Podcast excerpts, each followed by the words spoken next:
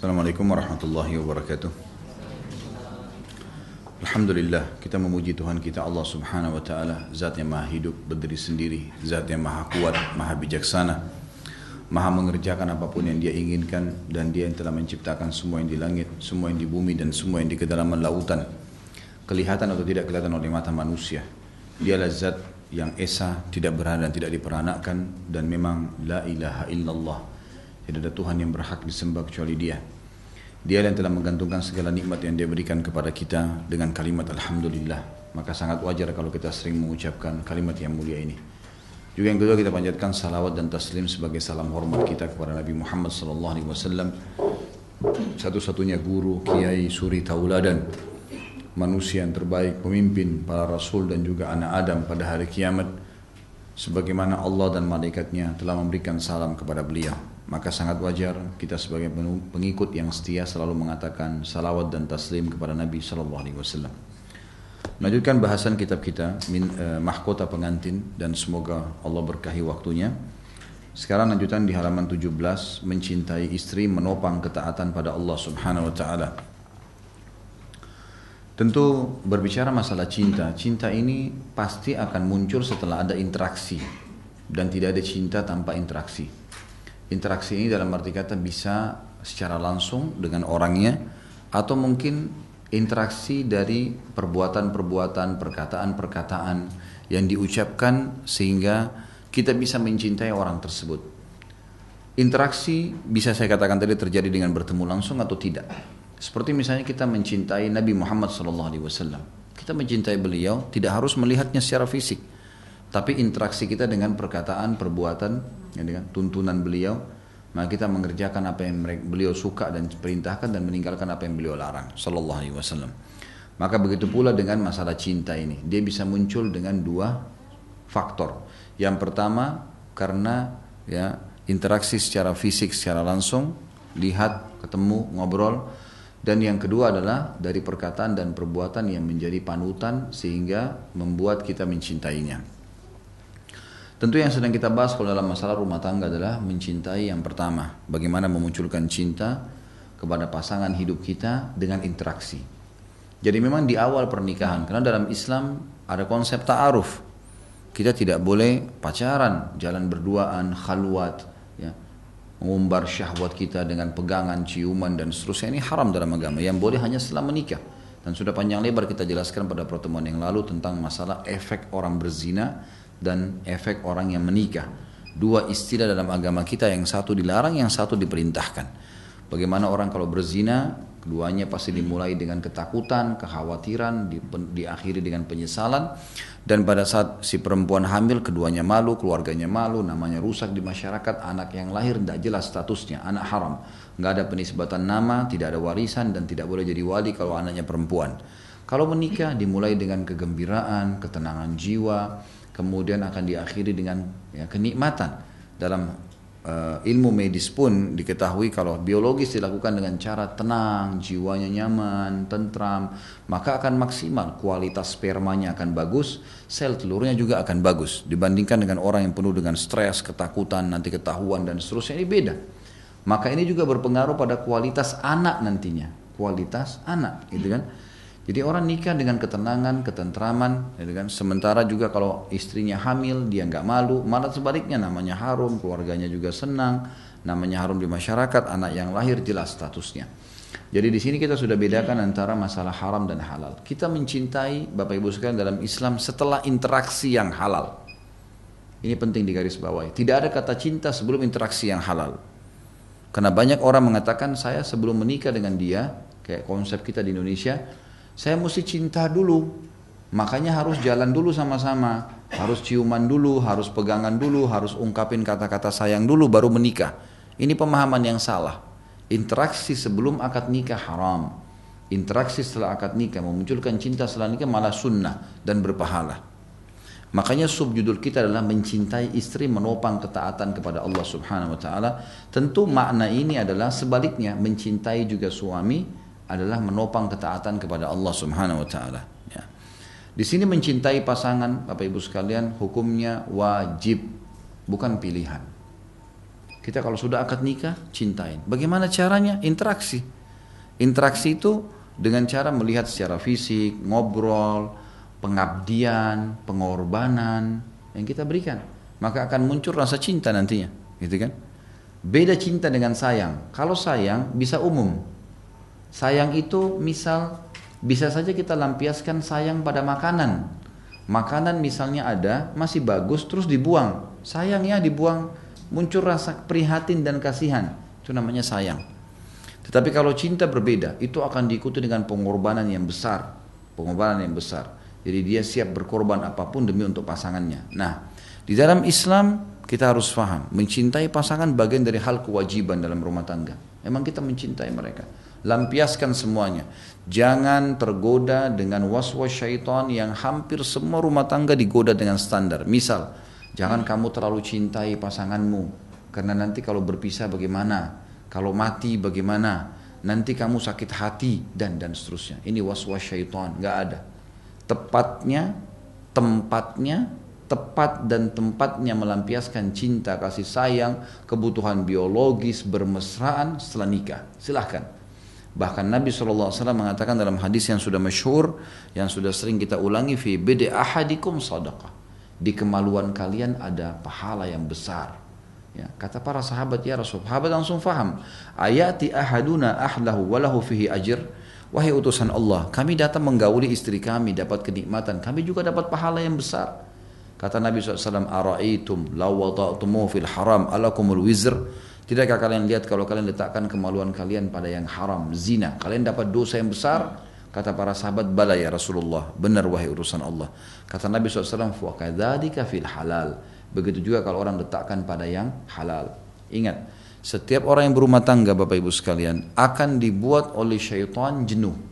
Kita harus melawannya. Melakukan biologi suami istri adalah perintah agama. Sampai Abdullah bin Umar radhiyallahu anhu itu selalu menghidupkan suasana biologis dan kemesraan di rumah tangganya yang luar biasa. Di antaranya kalau bulan Ramadan, beliau habis buka puasa dengan beberapa butir kurma dan segelas air, beliau sholat berjamaah di masjid maghrib bersama Nabi SAW, pulang ke rumahnya langsung berhubungan biologis dengan istrinya. Dihidupkan suasana itu. Dan tentu ada hal-hal yang harus dijaga. Nabi SAW sering menjaga bau mulutnya. Rasulullah SAW sangat pekah. Tidak pernah membiarkan ada bau sedikit pun dari mulutnya, beliau selalu bersiwak bangun tidur, mau tidur, habis uduk, mau sholat, setelah sholat, mau masuk rumah. Kalau kita sekarang menggunakan siwak, mouthwash, makan permen, itu penting sekali. Sehingga pada saat interaksi dengan pasangan kita jangan pernah ada celah bau yang tidak enak. Gitu kan? Saya pada saat pulang ke rumah, mungkin dari keluar seperti ini, kalau istri saya ingin mendekat, saya bahasakan, dan itu bukan aib. Jangan dekat dengan saya, saya akan mandi, saya akan ganti pakaian saya. Dia bilang tidak apa-apa kak, saya bilang nggak bisa. Saya tidak mau membiarkan ada sedikit ada bau celah yang bisa pasangan saya merasa traumatis. Nggak boleh. Harus dijaga karena sunnah Nabi begitu. Maka kita kumur-kumur, cuci badan. Berapa menit sih mandi itu? 5 menit, 10 menit selesai. Gitu kan? Ganti pakaian yang nyaman, kita juga akan nyaman berinteraksi dengan pasangan kita. Karena kalau sudah duduk suami istri, jarang orang tidak melakukan hubungan biologis karena akan ada interaksi, ciuman, pegangan dan semua ini adalah hal yang biasa. Wajar itu terjadi. Bau mulut, bau badan, Nabi SAW selalu meletakkan wangi-wangian dari rambut beliau. Sampai saking banyaknya itu biasa netes minyak wangi itu. Dari rambut Nabi SAW. Dan juga beliau meletakkan wangi-wangian serbuk yang wangi dari batang leher beliau sampai ke kaki beliau. Semua disuruh istrinya letakkan kecuali kemaluan beliau letakkan sendiri. Kita tahu dalam Islam ada disuruh cukur bulu kemaluan, disuruh cukur bulu ketiak. Ini semua tempat-tempat yang lembab yang berbahaya. Tidak boleh membiarkannya. Bau ketiak sering muncul walaupun kita pakai roll on yang bagus. Kalau bulu ketiak banyak terserap keringat di situ. Dan itu akan menyebabkan hal yang tidak nyaman. Bulu kemaluan akan menyebabkan ya bau-bau yang tidak sedap atau tertinggalnya sisa sperma atau yang lainnya yang malah bisa mengganggu ibadah. Semua dijaga dalam agama Islam. Giginya dijaga, bau badannya dijaga, bulu di badan dianjurkan untuk dipotong. Di ketiak, di kemaluan, bahkan laki-laki disunnahkan mencukur kumisnya sehingga memang tidak tidak mengganggu pasangan dan sering kali orang kalau sakit flu dan segalanya tertampung namanya ku bulu maka akan tertampung sesuatu yang bisa diserap olehnya. Ini semua hal-hal mendasar dijadikan. Kemudian menggunakan pakaian-pakaian yang rapi, pakaian yang disuka oleh pasangan kita. Ini semua adalah hal-hal yang dianjurkan. Dari interaksi seperti ini, kosakata yang diucapkan dengan santun, tatapan mata yang sayu, persiapan diri dengan mandi, dengan wangi sebelum interaksi dengan pasangan akan menopang datangnya cinta. Itu akan muncul nanti, akan muncul. Dan ingat, tepis semua pernyataan syaitan yang mengatakan, jangan kau cintai pasanganmu sekarang lebih nanti kamu sakit hati, nanti kamu begini. Insya Allah, kalau yang kita cari pasangan yang soleh dan soleha, tidak ada perlu dikhawatirkan. Ingat juga satu hal Bapak Ibu sekalian, menikah dalam Islam adalah ibadah. Dan ibadah sifatnya abadi. Perhatikan, ya, menikah adalah ibadah dan ibadah sifatnya abadi. Sekali kita sholat sampai mati kita sholat. Sekali kita puasa sampai mati kita puasa. Sekali kita menikah sampai di surga tuh sama pasangan. Jangan pernah menikah dimulai dengan was-was syaitan, taruh cadangan sekian persen kalau saya cerai sama pasangan saya. Ini nggak boleh ada ini. Jangan menikah untuk cerai, nggak boleh. Karena cerai adalah perbuatan halal yang paling Allah benci dan merupakan target utama syaitan untuk memisahkan suami istri. Ini penting untuk dinopang, untuk menopang, gitu kan? Tutup semua pintu-pintu yang merusak kita di luar sana. Seperti pandangan mata. Ya. Ini mata yang sering jelalatan sembarangan melihat. Harus dikontrol. Nggak boleh nggak. Gitu kan? Jadi ini harus dikontrol. Walaupun kita mengatakan, oh tidak, cuma sebentar, oh cuma sekilas. Enggak. Harus dijaga. Orang yang bisa menjaga pandangannya dari hal-hal yang haram, ya, yang Allah haramkan, maka akan membuat dia menikmati, lebih menikmati pasangannya. Hikmah kata ulama wanita menggunakan tutup aurat yang yang yang rapat termasuk masalah menggunakan ini kalau ada yang pakai cadar di antara akhwat kita disebutkan oleh para ulama hikmahnya adalah akan membuat pasangannya tidak akan jenuh di luar dilihat tertutup pada saat di rumah terbuka dan semuanya dengan wangi dengan bersih dengan rapi itu semua akan memopang rasa cinta yang luar biasa dalam rumah tangga kita gitu kan ini hal-hal mendasar yang mesti kita ketahui ini yang bersifat fisikal pemandangan yang bersifat pengorbanan yang lain misal, kalau memang kita selama itu masih urusan dunia dan halal masih bisa nikmatin. Nikmatin di sini misalnya kalau mau keluar sama-sama, luangkan waktu untuk bersama-sama, karena masalah. Kenapa orang-orang yang melakukan hal yang haram bisa berpacaran malam minggu? Kenapa suami istri nggak bisa? Mestinya suami istri bisa meluangkan waktu, makan bersama berdua, duduk berdua, ngobrol berdua, hadir di pengajian. Anak-anak mungkin bisa di, di, di waktu tertentu dititipkan kepada orang-orang orang tua. Kemudian diluangkan waktu untuk berdua. Bersama berdua adalah satu hal yang penting dalam agama. Maksud dalam dalam masalah rumah tangga untuk menopang rasa cinta itu muncul gitu kan? Karena cinta ini kalau sudah muncul apalagi pada tempat yang benar pasangan suami istri maka akan terasa kenikmatan luar biasa dalam rumah tangga kita. Gitu kan? Dan ada tadi hal-hal indikasi yang saya bilang harus dijauhi yang bisa merusaknya. Seperti was-was syaitan godaan untuk menaruh cadangan jangan terlalu mencintai pasangan. Nanti kalau cerai nanti kalau begini itu semua was-was syaitan yang harus dilawan. Kata beliau di sini penulis buku mencintai istri atau suami tentunya menopang ketaatan pada Allah Subhanahu wa taala. Beliau berkata mencintai istri dan sahaya wanita. Sahaya sudah saya jelaskan adalah wanita yang boleh dinikahi tapi dari harta rampasan perang dari harta rampasan perang. Jadi kalau kaum muslimin menang melawan orang-orang kafir, lalu ada wanita-wanita yang ditawan dalam tawanan, itu namanya sahaya perang. Atau sahaya wanita yang dimilikinya dapat menopang terlaksananya apa yang disyariatkan Allah kepadanya, yaitu memelihara kesucian diri dan dari dan keluarganya, sehingga dirinya tidak menginginkan wanita lain yang diharamkan. Demikian pula memelihara kesucian wanita sehingga dirinya tidak menginginkan laki-laki lain. Bagaimana mereka hanya melampiaskan pada pasangan yang halal. Setiap kali rasa cinta di antara suami istri, ya, eh, setiap kali rasa cinta di antara suami istri lebih sempurna dan lebih kuat, maka apa yang dituju tersebut lebih sempurna sebagaimana Allah berfirman. Setiap kali cinta itu makin lengkap, makin sempurna, maka makin capek, makin tercapai target dari rumah tangga. Saling berkorban, ya, saling menaungi, saling melindungi dan seterusnya. Sebagaimana Allah SWT berfirman dalam surah Al-A'raf 189 Huwa alladhi khalaqakum min nafsin wahidah ya. wa khalaqa minha zawjaha ya. yaskunu ilaiha Dia yang telah menciptakan kalian dari diri yang satu dan dari daripadanya diciptakanlah istrinya dan dia merasa senang kepadanya. Ini kata-kata senang adalah bagaimana seseorang itu merasa tenang. Dan juga surah Ar-Rum ayat 21 wa min ayatihi an khalaqa lakum min anfusikum azwajan litaskunu ilaiha wa ja'ala bainakum mawaddatan wa rahmah inna fi dzalika laayatin liqaumin yatafakkarun. Di antara tanda-tanda kekuasaan dia adalah dia menciptakan untuk kalian istri dari jenis kalian sendiri pasangan dari sama-sama manusia agar kalian cenderung dan merasa tentram kepadanya. Bagaimana caranya? Dengan maksimal mencintai berkorban menyayangi pasangan kita ya agar kalian cenderung dan merasa tentram kepadanya. Dan dijadikanlah di antara kalian rasa sayang, rasa kasih dan sayang sungguhnya pada mereka itu benar-benar terdapat tanda-tanda bagi kaum yang marum berfikir. Dan dalam as-sahih ya, disebutkan dalam hadis sahih dari Nabi SAW beliau pernah ditanya siapakah orang yang paling engkau cintai? Beliau menjawab Aisyah radhiyallahu anha istrinya ya yang terkenal. Karena itu Masruk, salah satu ulama tabi'in mengatakan, jika menuturkan dari Aisyah radhiyallahu anha telah menuturkan kepadaku As-Siddiqah binti As-Siddiq kecintaan Rasulullah SAW dibebaskan dari tuduhan dari atas tujuh langit. Jadi uh, Masruk ini salah satu ulama tabi'in. Dia kalau meriwayatkan hadis dari Aisyah, dia mengatakan Aisyah ya As-Siddiqah wanita yang paling terpercaya binti Siddiq, anaknya As-Siddiq, Abu Bakar. Lalu dia tambahkan dalam periwayatan hadis kecintaan Rasulullah SAW. Karena Rasulullah mencintai Aisyah radhiyallahu anha. Yang dibebaskan dari tuduhan, karena pernah Aisyah radhiyallahu anha dituduh berzina oleh Abdullah bin Abi Salul, salah satu pimpinan munafikin. Kemudian Allah bebaskan dari tuduhan tersebut dari tujuh, dari atas tujuh langit. Ya, atau dari atas eh, langit ketujuh. Di sini berarti pelajaran kita ambil bahwasanya Nabi SAW disebutkan mencintai istri beliau, gitu, mencintai istri beliau. Gitu kan. Sahih juga dari Nabi SAW beliau bersabda hubbiba ilayya min dunya an-nisa'u wat-tibu wa ju'ila qurratu aini fis salah.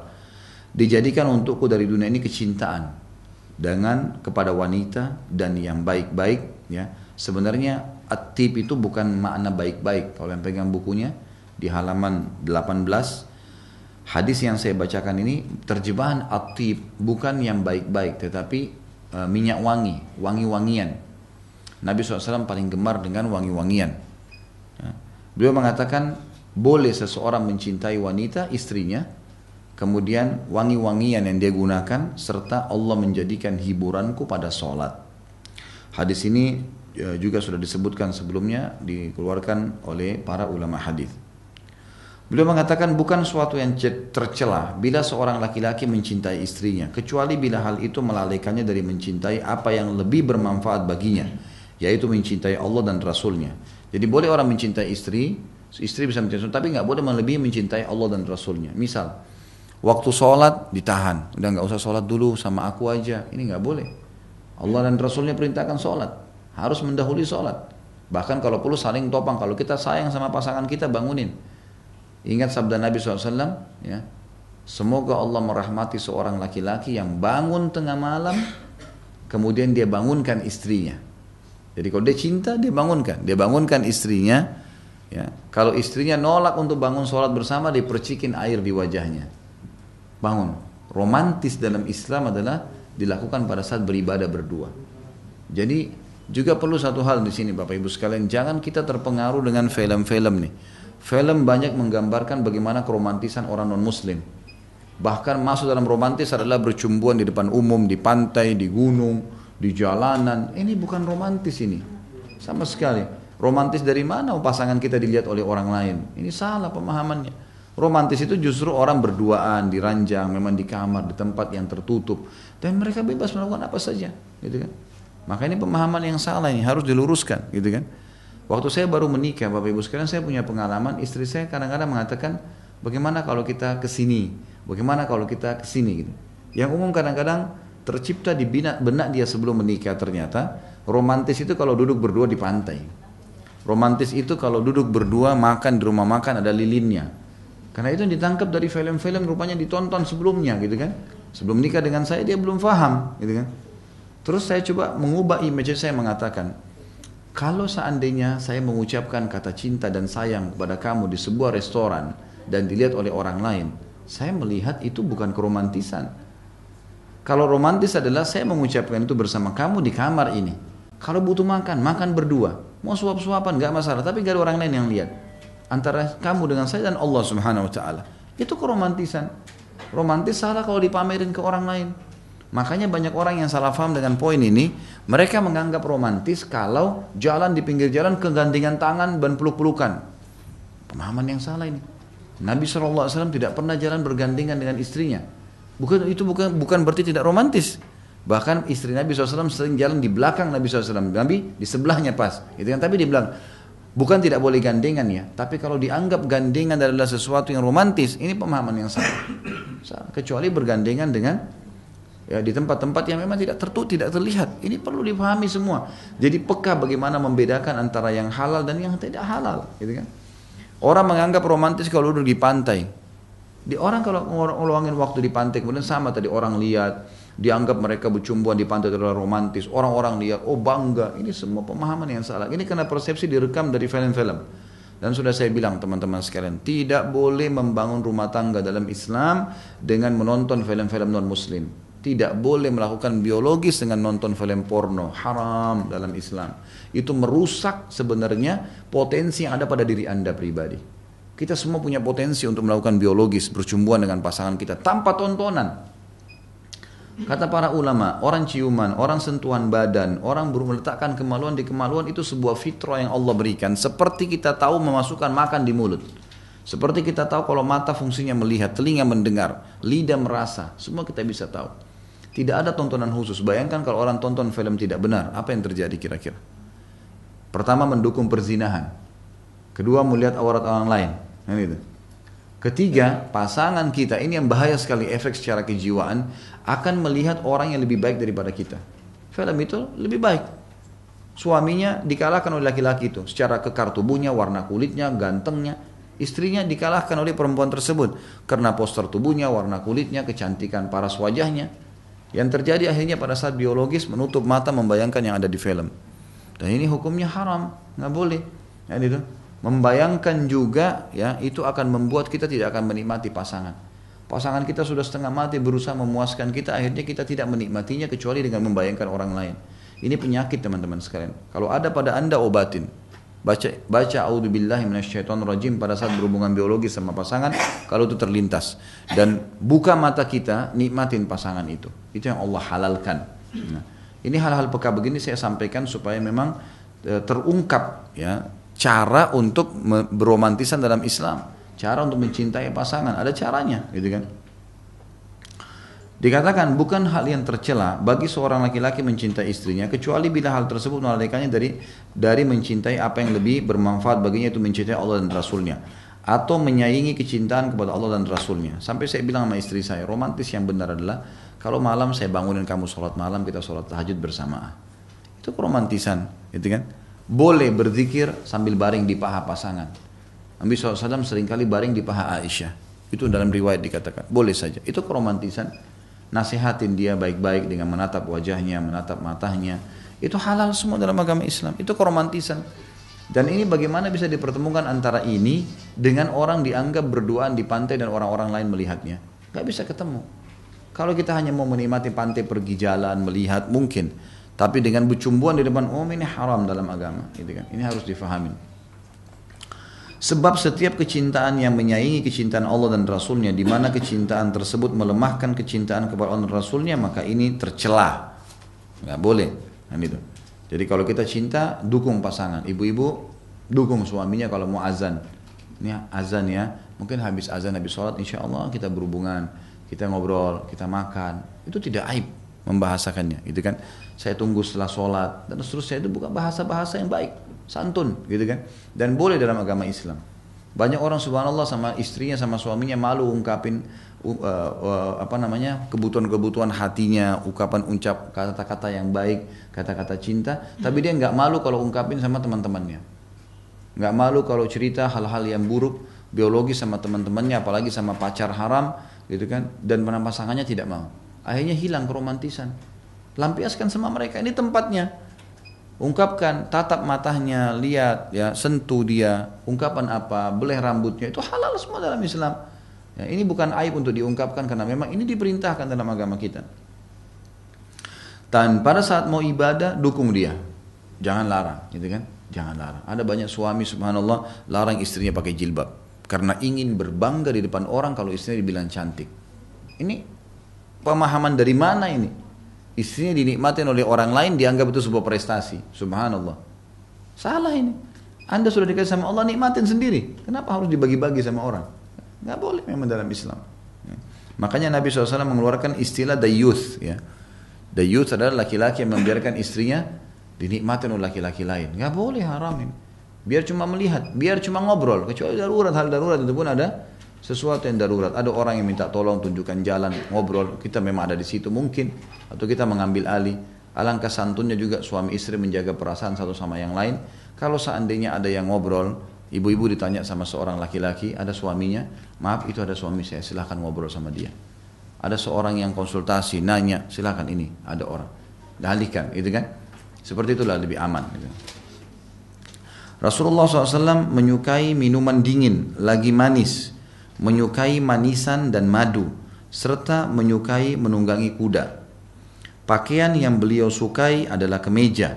Ya. Di sini kemeja dibahasakan zaman dulu tuh karena ada kancing. Jadi semua yang berkancing Nabi SAW gemar, gitu kan. Beliau juga menyukai daba, ya. Daba ini belalang yang digoreng, gitu kan. Kalau kita sekarang mungkin e, macam-macam kata ulama ini masuk dalam istilah ini apa saja yang di yang digoreng kering, biasanya udang, cumi itu semua adalah makanan-makanan yang dibolehkan. Dabak itu belalang, tapi umumnya zaman dulu dibakar. Mereka tidak menggorengnya tapi membakarnya. Namun kecintaan ini tidak menyamai kecintaan kepada Allah. Semua pakaian, hubungan dengan istri sama suami ini tidak mengalahkan cinta kepada Allah dan Rasulnya. Bahkan terkadang hati dan keinginan terhimpun untuk hanya mencintai Allah. Ini adalah kecintaan bersifat alamiah yang mengiringinya, yang mengiringi niat pelakunya dengan melakukan apa yang disukainya.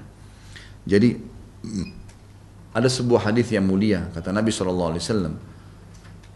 Kalau seorang hamba dicintai oleh Allah karena dia berusaha mendekatkan diri dengan Allah, Allah akan menyuruh Jibril mencintainya dan menyuruh seluruh malaikat di langit mencintainya dan akan menanamkan rasa cinta di hati seluruh masyarakat, seluruh manusia di dunia, seluruh makhluk di dunia, termasuk hewan-hewan segala.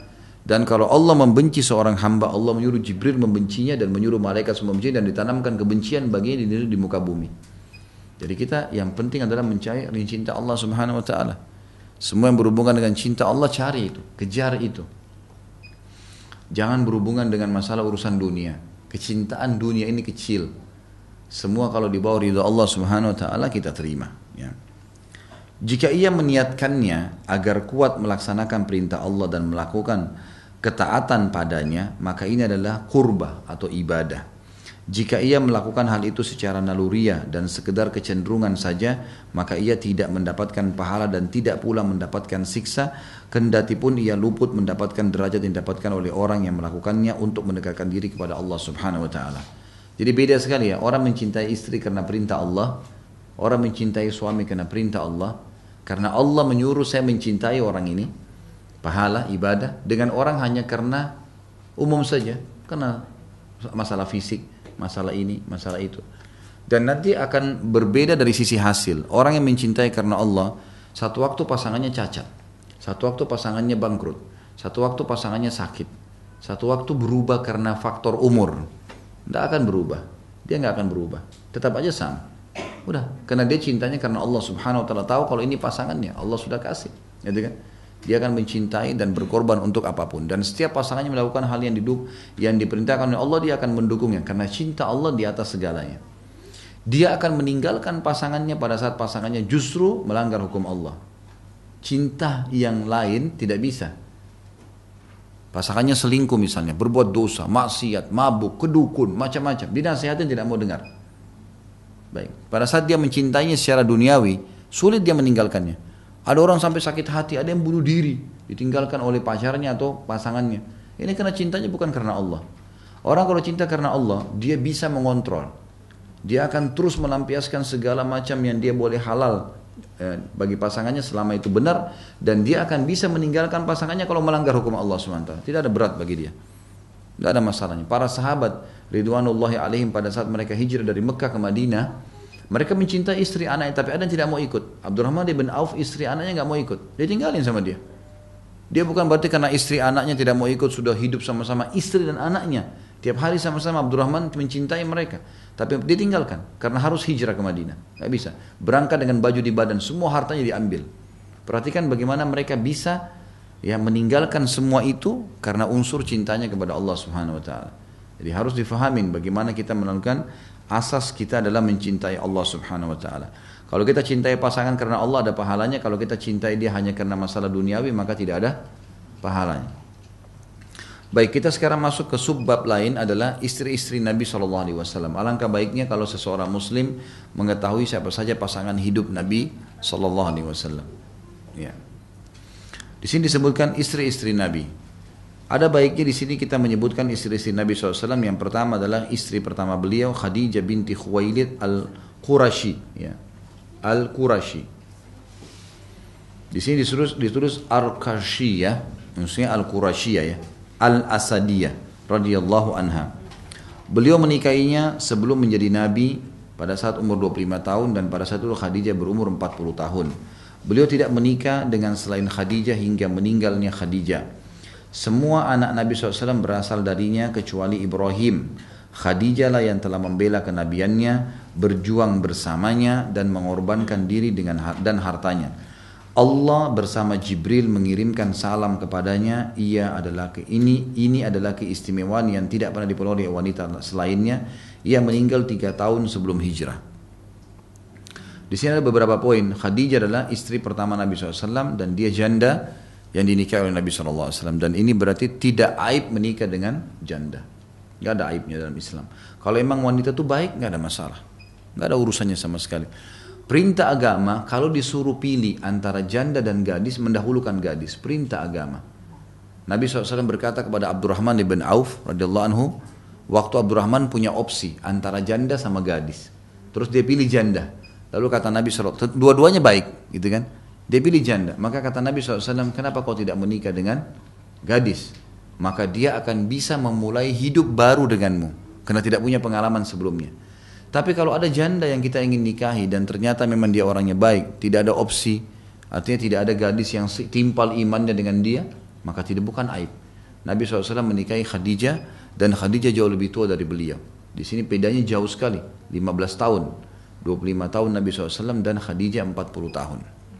Itu pelajaran pertama dari Khadijah radhiyallahu Yang kedua, beliau Nabi SAW pada saat itu menikah belum ada perintah agama, belum ada perintah agama. Dan di awal-awal Islam belum ada perintah poligami dalam Islam awalnya. Maka Nabi SAW tidak menikah kecuali dengan Khadijah karena belum ada perintah poligami. Makanya kita lihat nanti akan datang perintah poligami setelah Khadijah meninggal maka Nabi SAW lalu melakukan perintah tersebut berarti sesuai dengan syariat Allah Subhanahu wa taala. Ini banyak muslimah yang salah faham. Nabi SAW menikah sama Khadijah buktinya tidak poligami sampai Khadijah mati. Itu di awal Islam. Ini di awal Islam. Dan kalau anda mengaku beriman pada Allah dan saya bilang tadi asas pertama cinta kepada Allah berbeda. Wanita yang cinta kepada Allah tahu hukum Allah Subhanahu wa taala, gitu kan? Kalaupun kita belum bisa melakukan, maka itu kita pribadi yang harus lebih belajar dan jangan pernah salahkan orang yang sudah melakukannya. Orang yang sudah rajin sholat malam, kita belum sholat malam, jangan kita mengatakan kok bisa dia sholat malam, yang nggak usah sholat malam lebih enak tidur. Loh orang sudah melakukan kesempurnaan agamanya. Harus kita malah memberikan acungkan jempol buat dia. Ini enggak, orang poligami malah diaib-aibkan. Ini nggak boleh, diolok-olok, hukum Allah. Kita bisa biar mendatangkan satu juta argumentasi, tetap ini perintah Allah, nggak bisa dibantah. Hukum Allah subhanahu wa ta'ala. Tinggal bagaimana orang melakukannya dengan adab dan ilmu. Tidak sembarangan, gitu kan. Nanti akan ada bahasan di buku kita khusus masalah poligami akan kita bahas panjang lebar tentang masalah itu bagaimana adab-adabnya, apa kira-kira tujuan-tujuan syariatnya. Kita pelajari baru kita renungin, gitu kan. Tapi jangan mulai dengan penolakan hanya karena kita belum punya ilmunya, nggak boleh. Gitu. Kita tolak haji dan umroh sudah deh saya nggak mau pergi karena rame di sana. Dia nggak terus kemudian salahin orang-orang yang pergi. Gimana cara? Orang jutaan yang pergi ke sana kok nggak ada masalah mereka, gitu kan? Nggak ada masalah. Maka harus difahamin masalah ini. Ini juga pelajaran kedua dari poin yang penting kadang-kadang kecil tapi butuh penjelasan. Nabi SAW tidak menikah dengan selain Khadijah hingga meninggal karena di awal Islam belum ada perintah poligami. Yang ketiga, semua anak Nabi SAW darinya. Nabi punya anak berapa? Tujuh. Ya, tujuh, tiga laki-laki, empat perempuan, tapi enam orang dari Khadijah. Satu dari Maria Kipti. Maria Kipti nanti akan kita sebutkan ini ada wanita yang dihadiahkan oleh Raja Mesir untuk Nabi SAW. Maka beliau mendapatkan anak Ibrahim dari sana. Tapi dari Khadijah, dari umur 40 tahun pun menikah, Masya Allah Allah masih kasih kasih anak enam orang. Gitu kan. Yang pertama dari laki-laki itu Abdullah dan yang kedua eh, Qasim yang pertama yang kedua Abdullah. Makanya julukan beliau Abul Qasim ya, Abul Qasim. Kemudian empat perempuan, ya, Ummu Kalthum, uh, maaf, Ruqayyah, Ummu Kalthum, Zainab dan Fatimah. Ini semua dari Khadijah radhiyallahu anha. Dan ini pelajaran ibu-ibu sekalian, hati-hati dengan waswas syaitan. Perempuan itu makin sering melahirkan, makin sehat. Ini banyak orang tidak faham. Dan ini ada saya angkat di YouTube ada ceramah saya masalah manajemen rumah tangga Islami. Panjang lebar saya sebutkan makna hadis Nabi Wasallam wanita ahli surga ada empat di antaranya wanita yang banyak melahirkan. Ternyata di sini Allah Subhanahu Wa Taala kata para ulama hikmahnya Kenapa membuat wanita melahirkan? Susah, sembilan bulan, hamil, harus begini, letih, melahirkan, merasakan ada sedikit sakit. Tapi Allah hubungkan dengan apa? Pahalanya sama dengan pahala jihad. Kalau dia meninggal pada saat melahirkan, termasuk dalam masa nifas mati syahid. Ya. Setiap anak yang lahir wajib berbakti dengannya, gitu kan? Dan ternyata subhanallah di rahim wanita itu butuh peremajaan. Yang paling sederhana haid setiap bulan. Kalau dalam pandangan beberapa ilmu medis mengatakan itu adalah sel telur yang tidak ter, terbubuhi, gitu kan? Tidak e, terbenihkan, maka otomatis keluar darah haid. Itu secara medis pandangannya. Tapi kalau secara syar'i tidak seperti itu. Darah haid itu bukan tidak ada hubungannya, tidak tidak spontanitas berhubungan langsung sama sel telur karena sel telur itu lebih halus daripada debu. Bagaimana dia bisa mendatangkan darah sampai seminggu, gitu kan? Itu adalah proses alami di mana Allah akan meremajakan rahim seorang wanita. Dan puncak peremajaan itu untuk kesehatannya nifas. Darah yang keluar setelah melahirkan. Ini puncaknya. Makanya kita temukan wanita yang sering melahirkan. Coba Bapak Ibu renungi orang-orang dulu Nenek-nenek kita anaknya 10, 12, sehat. Luar biasa. Beda dengan sekarang misalnya orang punya dua anak, satu anak. Apalagi kalau dia memang sengaja haramkan dirinya. Ada wanita subhanallah diharamkan, ditutup kandungannya, nggak mau lagi hamil. Ini karena persepsi yang salah. Ini salah teman-teman sekalian. Kalau ajal datang akan datang. Mau lahirkan atau tidak. Gitu kan. Tidak ada hubungannya. Bahkan ada wanita, banyak wanita yang saya ketahui beritanya, bahkan sudah difonis oleh dokter berbahaya kalau hamil, dia hamil sehat melahirkan, nggak ada masalah bagi dia. Hukum Allah lain kalau sudah berlaku dengan manusia, gitu kan? Ini bukan berarti kita melanggar kalau sudah tidak boleh oleh dokter. Sebaiknya kita ambil cadangan memang. Tetapi kalau sampai terjadi, karena ulama mengatakan haram menggugurkan kandungan kalau sudah ada ruhnya. Empat bulan, udah nggak boleh. Di bawah itu masih dipertimbangkan kalau seandainya memang ada hal yang berbahaya bagi si ibu. Kalau enggak enggak boleh, dibiarin. Dan banyak orang akhirnya melahirkan dengan normal. Ini penting untuk diketahui. Khadijah radhiyallahu anha ini sudah umur 40 tahun masih hamil. Kalau kita ambil hukum dalam agama kita per 2 tahun masa menyusui, berarti kali ya 6 anak itu 12 tahun kan? Iya. Hah? 6 anak, setiap anak 2 tahun berarti 12 tahun kan? Betul nggak? Baik, 12 tahun. Berarti Khadijah itu sampai umurnya 52 tahun itu masih ada anak. Gitu kan. Dan subhanallah, ibu-ibu ada ada mertua, saya lihat sendiri mertua kakak saya di Surabaya, umurnya meninggal itu sekitar umur 90 tahun sekian. Subhanallah baru berapa tahun meninggal, anaknya dia sendiri melahirkan 16 anak. 16 anak ini laki-laki dan perempuan dan subhanallah sampai dia mau meninggal anak-anaknya sampai sudah tua. Anaknya ada yang punya cucu, dia sudah punya cicit itu setiap hari gonta-ganti datang ke rumahnya bawain makanan, perhatikan dia tidak pernah kesunyian. Dari anak-anaknya yang belasan orang ini bolak-balik datang. Waktu di rumah sakit perhatiannya besar luar biasa. Dan berapa banyak pahala dari 16 anak yang mendoakan dia. Kenapa harus terpengaruh dengan was-was syaitan? Godaan orang-orang non-muslim. Nanti kalau banyak anak pusing. Itu nanti kalau banyak anak seperti program KB, banyak anak. Nanti akhirnya jadi banyak pengangguran. Belum lahir anak sudah dianggap jadi pengangguran. Gimana caranya pemikirannya itu? Nanti akan macet. Cina itu sampai hampir berapa miliar masyarakatnya nggak ada masalah. Malah makin banyak SDM, makin banyak potensi. Kenapa kita harus berpikir negatifnya? Bisa berpikir positifnya kan? Dan ulama bukan mengharamkan program KB ya, tapi kalau orang mengatakan dua anak cukup ikutin itu haram. Tapi kalau dia membatasi keturunan dua tahun sekali, tiga tahun sekali itu boleh dalam Islam selama bahan-bahannya halal. Tapi ini harus difahamin. Kita dalam syariat Islam ada hukum sendiri. Nggak boleh kita salah dalam melangkah hal-hal yang seperti ini ya. Ini pelajaran lain diambil dari Khadijah. Melahirkan ibu-ibu sekalian adalah kesehatan. Itu permajaan rahim dan subhanallah mertua ya eh, kakak saya ini sampai umur 90 tahun pandangan matanya masih terang. Jalan Masya Allah masih kuat. Sampai Kakak saya cerita umurnya 60 tahun masih haid, gitu kan. Dia manuposnya malah terlambat, gitu kan. Karena suburnya. Subhanallah. Setiap kali hamil ceritanya selalu gembira. Setiap kali hamil tidak pernah bersedih. Alhamdulillah Allah kasih lagi anak. Dan Allah lahirkan anak-anak dari dia semuanya patuh. Subhanallah nggak ada anaknya yang membangkang sama dia dan semua anaknya menjadi manusia yang baik. Jadi pengusaha-pengusaha, sarjana, baik, masya Allah, baik semuanya gitu.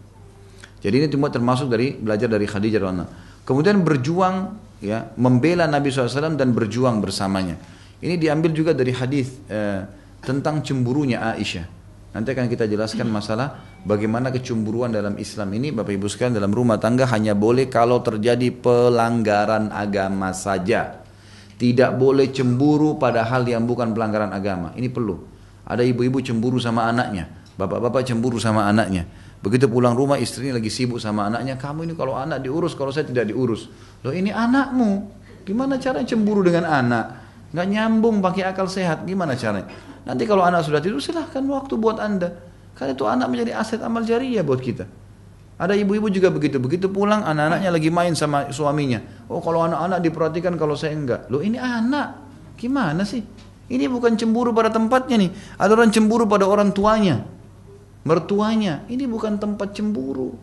Ibu-ibu harus tahu suaminya wajib bakti sama orang tuanya, nggak bisa dihapus tuh status orang tua.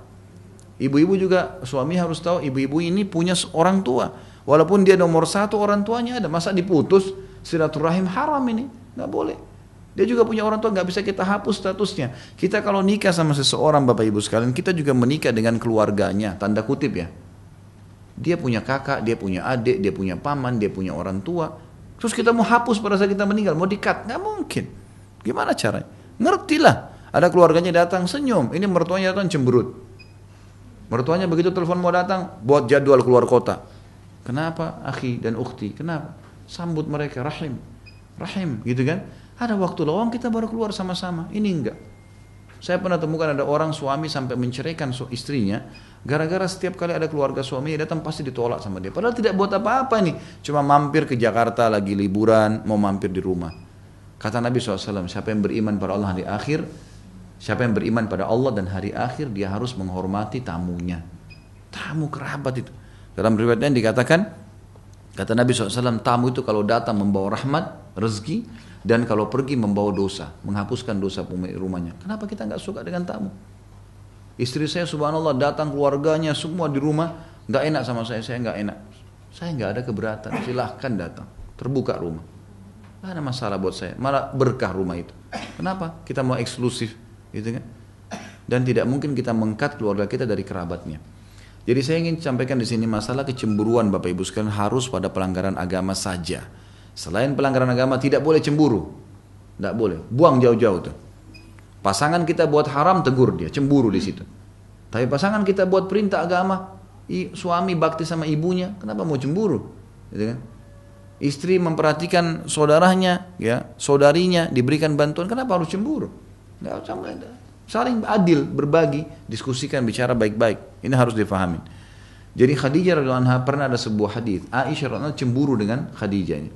Jadi ini kecemburuan perlu nanti saya akan saya jelaskan. Ada beberapa riwayat hadis Nabi SAW yang menceritakan tentang cemburunya Aisyah tapi perlu digarisbawahi. Cemburu Aisyah yang salah Nabi tegur dan tidak boleh jadi hukum.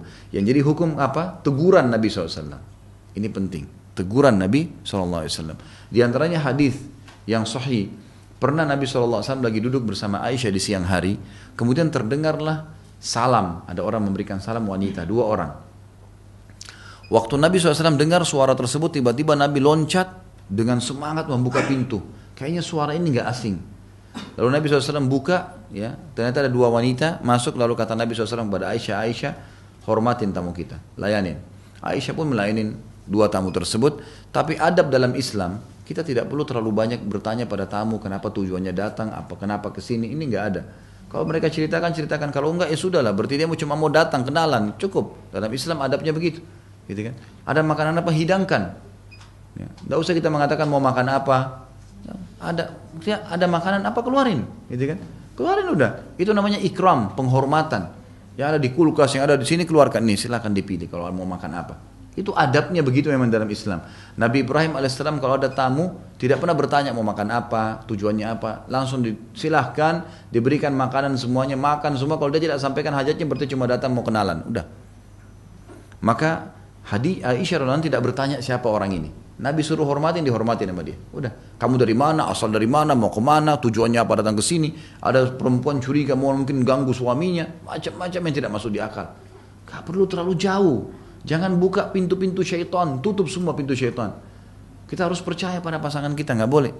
Selesai perempuan tersebut pulang, dua orang. Sebenarnya perempuan ini berumur dan sudah pulang. Lalu kata Aisyah ya Rasulullah, siapa tadi perempuan itu? Kenapa kok anda hormatin sekali? Kata Nabi SAW, yang satu adiknya Khadijah. Yang tadi salam itu karena suaranya sangat mirip, ini adiknya Khadijah. Yang satu lagi, sahabat dekatnya Khadijah, sering mendatangi rumah kami dulu di Mekah.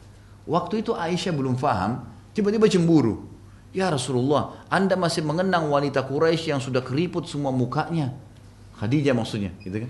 Dan sudah masuk ke dalam tanah, sudah mati. Allah sudah gantikan anda dengan wanita yang lebih baik juga dari Quraisy. Maksudnya masih hidup dan muda, cantik gitu kan. Ini perkataan Aisyah, kecemburuan.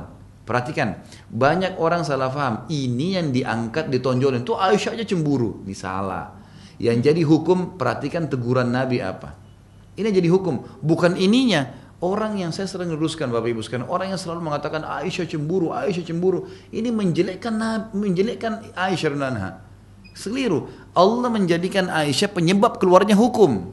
Kan gitu. Ini nggak boleh salah faham. Perhatikan teguran Nabi SAW, kata Nabi SAW, Wahai Aisyah, tidak akan pernah ada yang menggantikan Khadijah. Karena Khadijah beriman sama saya di saat orang semua kufur. Khadijah menolong agama ini dengan hartanya. Dan Allah karuniakan saya anak darinya yang tidak dimiliki dari istri yang lain. Ibu-ibu maaf, kalau ada yang nikah sama Duda, Jangan cemburu kalau cerita masa lalunya. Orang punya masa lalu. Ibu lagi duduk makan sama suami, Nomi duda punya masa lalu. Baik, dia cerita, saya dulu kalau sama si Fulana, saya sering dibuatin uh, caplok telur kalau pagi. Oh sudah kamu ingat aja sana, pergi sama sana. Mana caranya? Adabnya adalah, baiklah, saya coba buatin ya, mudah-mudahan buatan saya lebih enak. Selesai. Dengan cara ini dia redam pintu setan dalam dirinya dan juga dia bisa mengambil hati suaminya. Oh iya ternyata dia bisa gantikan. Kan begitu. Gak boleh orang.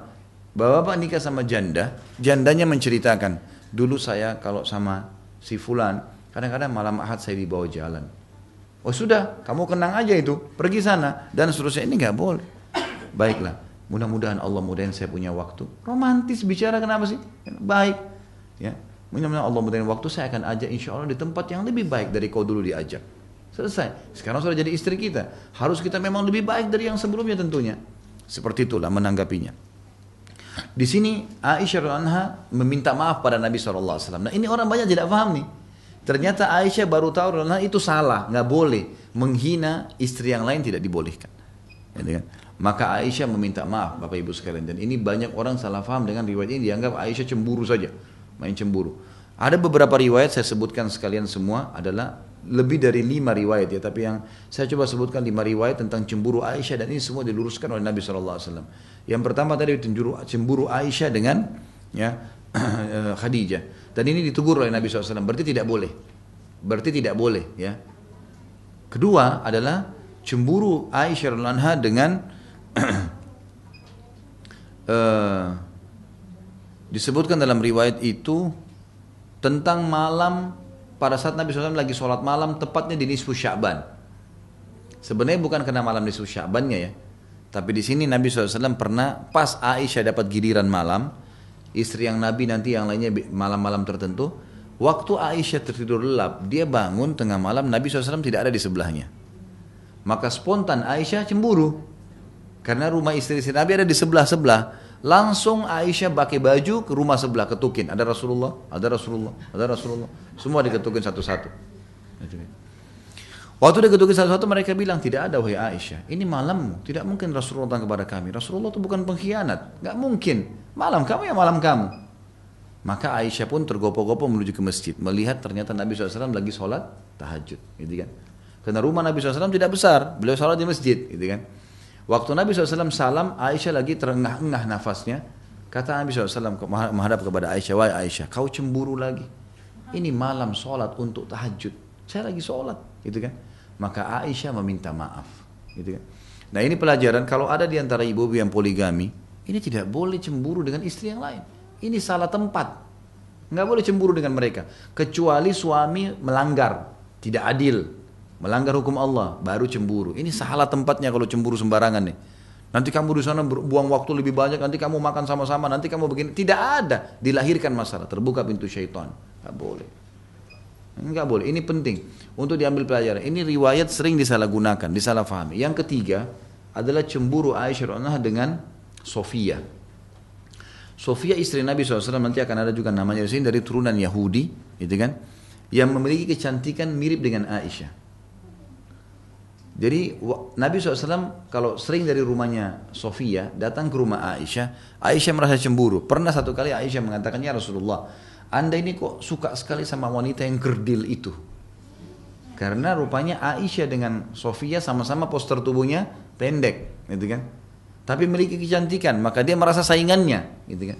Dan Nabi SAW kadang-kadang kalau datang, sering kali kalau beliau datang ke rumah istri yang lain, beliau menceritakan tentang masalah kalau ditanya ya Rasulullah anda dari mana saya dari rumah fulan. Bahkan Nabi mengatakan oh tadi saya dihidangkan makan ini maka saya tidak makannya sekarang. Itu bukan aib. Nabi sudah kenyang, Nabi bilang tadi saya sudah dihidangkan makan ini. Aib, bukan aib, jujur itu. Kadang-kadang istri cemburu nih, oh kalau sana kamu makan sama saya tidak mau makan. Orang sudah kenyang, ya udah hidangkan minum aja selesai. Kenapa harus ribut gitu kan? Ini enggak, seperti itulah kehidupan syaitan masuk. Maka Aisyah pernah berkata, ya Rasulullah cukup anda dari wanita kerdil itu. Gitu kan? Apa yang terjadi? Kata Nabi SAW, wahai Aisyah, kau telah mengucapkan kalimat, kalau ditaruh di air lautan, rusak semua tuh air lautan. Artinya berat sekali dosamu. Maka Aisyah meminta maaf. Dan tidak pernah terulang lagi nih. Ini orang banyak lupa nih. Bahkan banyak kadang-kadang di antara ustadz angkat, itu istri Nabi cemburu. Nah tapi nggak dijelasin. Cemburunya ini karena apa? Dan hukum adalah teguran Nabi SAW bukan cemburunya Aisyah. Hanya Aisyah dianggap buruk radhiyallahu anha. Padahal Allah SWT menjadikan beliau penyebab keluarnya hukum. Makanya banyak rumah tangga tidak harmonis karena salah paham dengan ini nih. Boleh cemburu buta sembarangan. Tidak boleh saudaraku. Tidak boleh saudariku. Haram dalam agama. Gak boleh cemburu. Bahkan kalau ada orang poligami dia harus bisa membangun ukhuwah di antara mereka. Harusnya dia tidak cemburu dengan saudarinya. Dia mengajaknya keluar sama-sama jalan. Poligami yang susah seperti itu memang. Ukhuwah terjalin. Suaminya pergi kerja, dia sama-sama. Suami pergi jihad, mereka sama-sama. Saling bantu-membantu, kunjungin, saling masak. gitu kan Dan seterusnya, saling berbagi kepada saudarinya. Karena perintah agama itu. Cintanya untuk Allah melampaui kecintaan dunianya. Riwayat yang keempat adalah cemburu Aisyah radhiallahu anha dengan Ummu Salamah. Ummu Salamah radhiallahu anha pernah waktu Aisyah lagi duduk bersama Nabi SAW di siang hari lalu dihidangkanlah senampan kurma. Tujuannya Ummu Salamah karena Ummu Salamah ini sudah berumur lebih tua dari Nabi SAW maka Nabi SAW lagi duduk sama Aisyah, Ummu Salamah niatnya baik. Ini hadiahin kurma supaya dimakan sama Abi dan Aisyah gitu kan. Uh, Ummu waktu Aisyah melihat pembantu Ummu Salamah bawa, cemburu di tepi piring itu. Jatuh, tumpah semua kurmanya. Lalu kata Nabi SAW, pungutlah kepada pembantunya Ummu Salamah. Ibumu sedang cemburu. Gitu kan. Ibumu sedang cemburu. Lalu Aisyah malu dan minta maaf dengan Nabi SAW. Dan ini tidak pernah terjadi lagi. Setelah itu Ummu Salamah hadiahkan makanan istirahat dengan makan tidak pernah lagi Aisyah cemburu. Hal yang baik. Orang niat baik kasih makanan kok kita nilai negatif nggak boleh. Bahkan kadang-kadang sultan syaitan datang diberikan hadiah oleh istri lain nih kenapa nih dikirimkan nih? Ada sihirnya barangkali, ada begini, ada begitu, macam-macam. Ini syaitan semua nggak boleh, gitu kan? Nggak boleh. Ini termasuk riwayat. Pernah juga Aisyah cemburu dengan Sauda binti Zam'ah gitu kan? Aisyah lagi buat makanan. Waktu itu kebetulan Nabi SAW lagi ada di tempat satu tempat yang keduanya ada, Sauda dan Aisyah ada.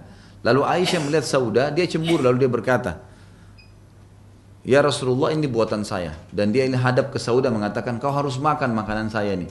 Ini buatan saya. Kata Sauda saya nggak mau. Nanti kan. Kata Aisyah kalau kau nggak mau saya akan coret makanan ini di wajahmu. Maka kata Sauda tetap saya tidak mau. Maka Aisyah mengambil betul makanan itu, dicuil di wajahnya Sauda, gitu kan. Sauda balik ke arah Nabi SAW. Kata Nabi SAW, cuil juga wajahnya. Ambil tuh cuil juga wajahnya Aisyah. Maksudnya apa? Kalau kalian mau bertengkar, ya bertengkar sekalian deh. Nah, ada apa kok bertengkar gara-gara makanan? Kenapa kau Aisyah maksakan Sauda makan makananmu? Kenapa kau Sauda juga harus menolak? Kan tidak ada urusannya. Silakan makan, iya ambil sedikit, makan. Nyenangin orang, nyenangin saudara muslim kan pahala. Apalagi ini sama-sama satu rumah tangga, gimana? Maka pada saat mereka saling coret wajah, akhirnya mereka malu sendiri. Gitu kan. Nabi SAW ketawain aja, diketawain. Dalam mereka diketawain Nabi SAW. Nabi tertawa, terbahak-bahak sampai akhirnya Umar bin Khattab lewat. Mereka begitu mendengar suara Umar, Aisyah sama Saudah ketakutan, gitu kan. Lalu Nabi SAW tambah tertawa, gitu kan. Kata Nabi SAW, kenapa kalian takut? Mereka bilang Umar bin Khattab, ini bahaya orang ini, gitu kan. Bisa lebih lebih keras, gitu kan. Maka seperti itulah bagaimana Nabi SAW menanggapi mereka. Dan ada banyak riwayat-riwayat Bapak Ibu sekalian yang menyebutkan tentang masalah kecemburuan Aisyah tapi jangan salah faham. Itu penyebab hukum yang diambil hukum adalah keteguran Nabi. Orang yang faham ini pada saat dia poligami dia akan tenang. Suami istri akan tenang karena tidak ada kecemburuan pada pasang pada pasangannya itu. Ini pada saat orang melakukannya. Orang tidak melakukannya juga tentu dia harus mengontrol tadi cemburu nggak boleh sama mertua, nggak boleh sama ipar, nggak boleh sama anak. Ya, ini harus difahamin. sama juga dengan suami pada saat telepon ada urusan kerja istrinya nggak boleh cemburu urusan kerjaan. Istrinya lagi telepon orang tuanya baik diberikan kesempatan. Mengalah toleransi dengan masalah duniawi itu nggak ada masalah. Kalau pelanggaran agama silakan marah. Hak anda marah di situ telepon-teleponan sama yang lawan jenis yang tidak halal nggak boleh haram dalam agama apalagi kalau sudah bicara hal yang buruk apalagi kalau sampai janjian oh ini bahaya sekali so, tidak sholat, mukul, tidak jalani kewajiban. Nah ini tidak ada toleransi. Ini pelajaran besar yang diambil dari kisah Khadijah yang membela kenabiannya, berjuang bersamanya. Gitu kan. Kemudian dikatakan dan mengorbankan diri dan hartanya. Selanjutnya Allah bersama Jibril mengirimkan salam kepada Khadijah. Ini juga disebutkan dalam riwayat Bukhari. Bahwasanya Nabi SAW pada saat kedatangan Jibril, maka Jibril berkata, Hai, hai Muhammad akan datang sebentar lagi Khadijah kepadamu. Sebentar lagi akan datang nih, masuk ke dalam ruanganmu ini, sampaikan salam Allah dan salamku padanya. Dan ini sebuah fadilah di sini dikatakan tidak dimiliki oleh istri Nabi yang lain. Belum pernah ada istri Nabi SAW yang lain yang pernah Allah dan Jibril memberikan salam. Ini bukan hal yang luar, bukan hal yang biasa nih, hal yang luar biasa. Ini yang dimaksud dengan itu. Ini adalah keistimewaan tidak dimiliki atau dimiliki oleh wanita lain dan ia meninggal tiga tahun sebelum hijrah. Nabi SAW berdakwah berapa tahun di Mekah Bapak Ibu sekalian? 13 tahun. 13 tahun. Kan beliau umurnya, uh, beliau meninggalkan Mekah di umur 53 tahun ya. 40 tahun pertama masa sebelum kenabian, pas 40 tahun sampai 53 itu fase kenabian. 13 tahun belum berdakwah di Mekah, kemudian di Madinah 10 tahun. Khadijah meninggal 3 tahun sebelum hijrah Nabi SAW ke Madinah. Yang kedua adalah setelah kematian Khadijah, beliau SAW menikah dengan janda yaitu Sauda binti Zam'a al-Qurashiyah. Ya, Sauda binti Zam'a al-Qurashiyah.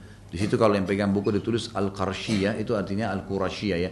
Maksudnya dari suku Quraisy, dari suku Quraisy. Dialah yang kelak memberi memberikan hari gilirannya kepada Aisyah. Ya. Sauda binti Zam'a janda meninggal suaminya, gitu kan? kemudian menikah dengan Nabi SAW dan ini juga pelajaran yang lain kalau Nabi SAW menikah juga dengan janda gitu kan waktu yang bersamaan di, di waktu yang bersamaan turun perintah masalah poligami. Dan Nabi SAW setelah menikah dengan Sauda binti Zam'a beberapa hari kemudian menikahi Aisyah radhiyallahu anhum ajma'in. Ya. Dan ini sekaligus diberikan pemahaman tentang masalah adanya hukum poligami dalam Islam. Di poin ketiga, setelah itu beliau menikah dengan Ummu Abdullah Siddiqah binti Siddiqah, maksudnya Aisyah yang dibebaskan dari atas tujuh langit, maksudnya dari tuduhan Abdullah bin Abi Salul tentang perzinahan. kecintaan Rasulullah SAW Aisyah binti Abi Bakar As-Siddiq radhiyallahu anhu ajma'in. Malaikat telah memperlihatkannya kepada Nabi SAW sebelum menikahinya dalam keadaan wajahnya tertutup dengan sutra. Lalu malaikat mengatakan ini adalah calon istrimu. Ya, ini disebutkan dalam hadis Bukhari Muslim. Jadi Nabi SAW sebelum menikah dengan Aisyah memang diperlihatkan wajah beliau, ya, wajah beliau. Tentu khilaf di antara ahli sejarah tentang masalah pernikahan umur Aisyah, berapa umurnya menikah. Ada yang memungkiri kalau Aisyah itu umur 6 tahun dinikahi, ada yang mengatakan itu benar. Ringkas cerita Nabi SAW memang menikahi Aisyah pada saat masih muda, gitu kan. Dan ini pelajaran lain dari Aisyah radhiallahu adalah Nabi SAW menikah dengan Aisyah ada dua faktor utama. Yang pertama karena beliau mimpi diperlihatkan oleh Jibril, ya. Ini istrimu Aisyah menggunakan cadar di wajahnya dari kain sutra Gitu kan. Artinya perempuan ini punya kedudukan yang luar biasa. Yang kedua adalah karena ayah Abu Ayah uh, Aisyah adalah sahabat dekatnya. Dan ini bukan aib menikah dengan anak sahabat. Ini yang banyak hilang di kita nih, gitu kan? Kita menganggap kayaknya nggak mungkin deh. Karena kadang-kadang kita anggap sahabat kita terlalu tua misalnya. Atau terlalu jauh, mungkin beda 10 tahun, 15 tahun. Padahal sebenarnya bukan karena faktor umur. Nabi SAW waktu menikah dengan Aisyah, umur beliau 53 tahun. Beda berapa tahun tuh kalau Aisyah misalnya anggap umurnya 14 tahun misalnya atau 15 tahun. Beda berapa umur dengan Nabi SAW? Kalau kita anggap 13 tahun bedanya berarti 40 tahun dan itu bukan aib. Kalau emang laki-laki itu dewasa, bijaksana, secara fisik memang masih kuat, kenapa? Ada masalah apa? Jadi kan kita kadang-kadang terkurung dengan urusan duniawi ini. Oh ini orang tua, oh ini anak-anak, oh ini begini, oh itu begitu. Itu bukan patokannya. Masalahnya dia beriman atau tidak. Saya kasih contoh misalnya, Umar bin Khattab sangat paham tentang hukum ini, Bapak Ibu sekalian. Ada dua hal yang saya ingin titik beratkan. Yang pertama, tidak aib menawarkan diri atau anak kepada orang yang soleh atau soleha. Yang kedua, tidak aib kalau ada faktor perbedaan umur. Saya datangkan contohnya. Umar radhiyallahu anhu waktu Hafsah ya Hafsah bercerai dengan suaminya, maka Umar gelisah dengan keadaannya. Ini gimana nih Hafsah nih? Maka Umar bin Khattab mendatangi sahabat Nabi. Ada banyak sahabat Nabi yang sebaya dengan Hafsah. Hafsah masih muda, sebaya dengan Aisyah, gitu kan? Maka yang didatangin oleh Umar adalah Uthman bin Affan. Waktu itu Uthman sudah punya anak. Didatangin, wahai Uthman, Hafsah layak jadi istri, nikahi. Perintah masalah poligami sudah turun, nikahi ini anak. Utsman mengatakan, maaf Umar saya lagi tidak ada hajat, gitu kan. Sekarang saya belum mau menikah. Umar keluar dari rumah Umar Abu Bakar Utsman cari siapa orang yang saleh nih. Tidak dicari bujang-bujang tuh.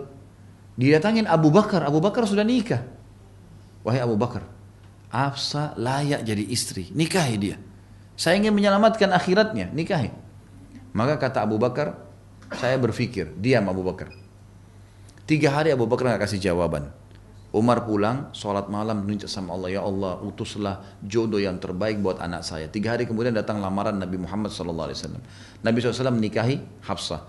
Lalu pada saat di hari pernikahan Nabi SAW setelah akad nikah, maka uh, uh, Abu Bakar mendatangi Umar dan berkata, wahai Umar, saya ingin menyampaikan kepada kamu alasan kenapa saya diam tiga hari.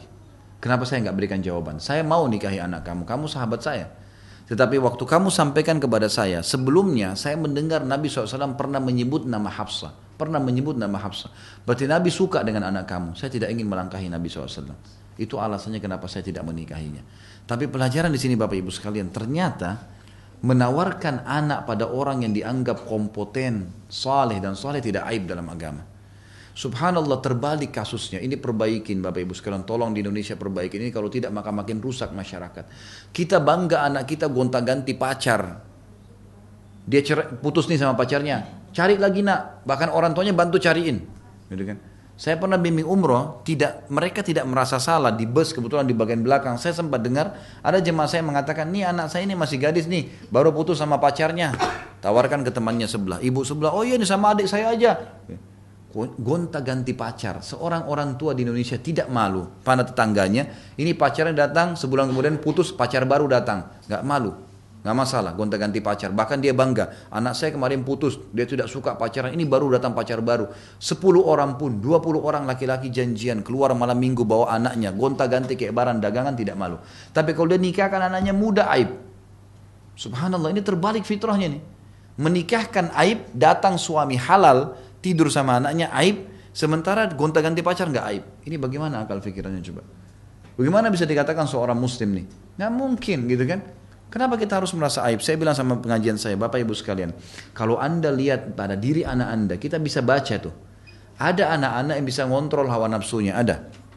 Masya Allah sampai kuliah pun sarjana tetap tenang, aman, dan program ikut program pengajian ada. Ada anak-anak baru balik saja umur 17, 18 tahun sudah nggak bisa ngontrol hawa nafsunya. Kelihatan sudah mulai kayak orang yang mencari pasangan. Kita bisa lihat sebagai orang tua. Bapak Ibu sekalian, walaupun belum selesai sekolah, lebih baik kita datangkan satu piring makanan tambahan untuk anak mantu di meja kita. Anak kita aman daripada kita biarkan tahan dia untuk bergaul bebas di luar zina terjadi kita halalkan dan kita tidak mau datangkan anak mantu untuk menikah. Baik Ustaz, nanti apa yang dia mau makan? Kita yang bantu dong sebagai mertua. Bantu modal, bantu ide. Tapi anak kita aman kan? Apa kata Nabi SAW? Siapa yang telah menikah, dia telah menyelamatkan setengah agamanya. Setengah. Sudah aman tuh, karena godaan terbesar bagi laki-laki perempuan, godaan terbesar bagi perempuan siapa? Laki-laki. Kalau ada anak-anak sudah dilihat kacau nih pergaulannya ujungnya di belakang lawan jenisnya. Pasti. Perempuan sudah mulai kurang ajar sama orang tuanya di belakangnya laki-laki tuh. Laki-laki sudah mulai kurang ajar sama orang tuanya di belakang ada perempuan tuh. Masalah. Kenapa nggak dinikahin Bapak Ibu sekalian? Jangan pernah hubungkan prestasi dunia dengan ibadah. Tidak ada hubungannya sama sekali. Pernikahan dengan sarjana. Nggak ada hubungannya. Masa orang harus sarjana dulu baru sholat malam? Ada hubungannya. Sama sekali nggak hubungannya.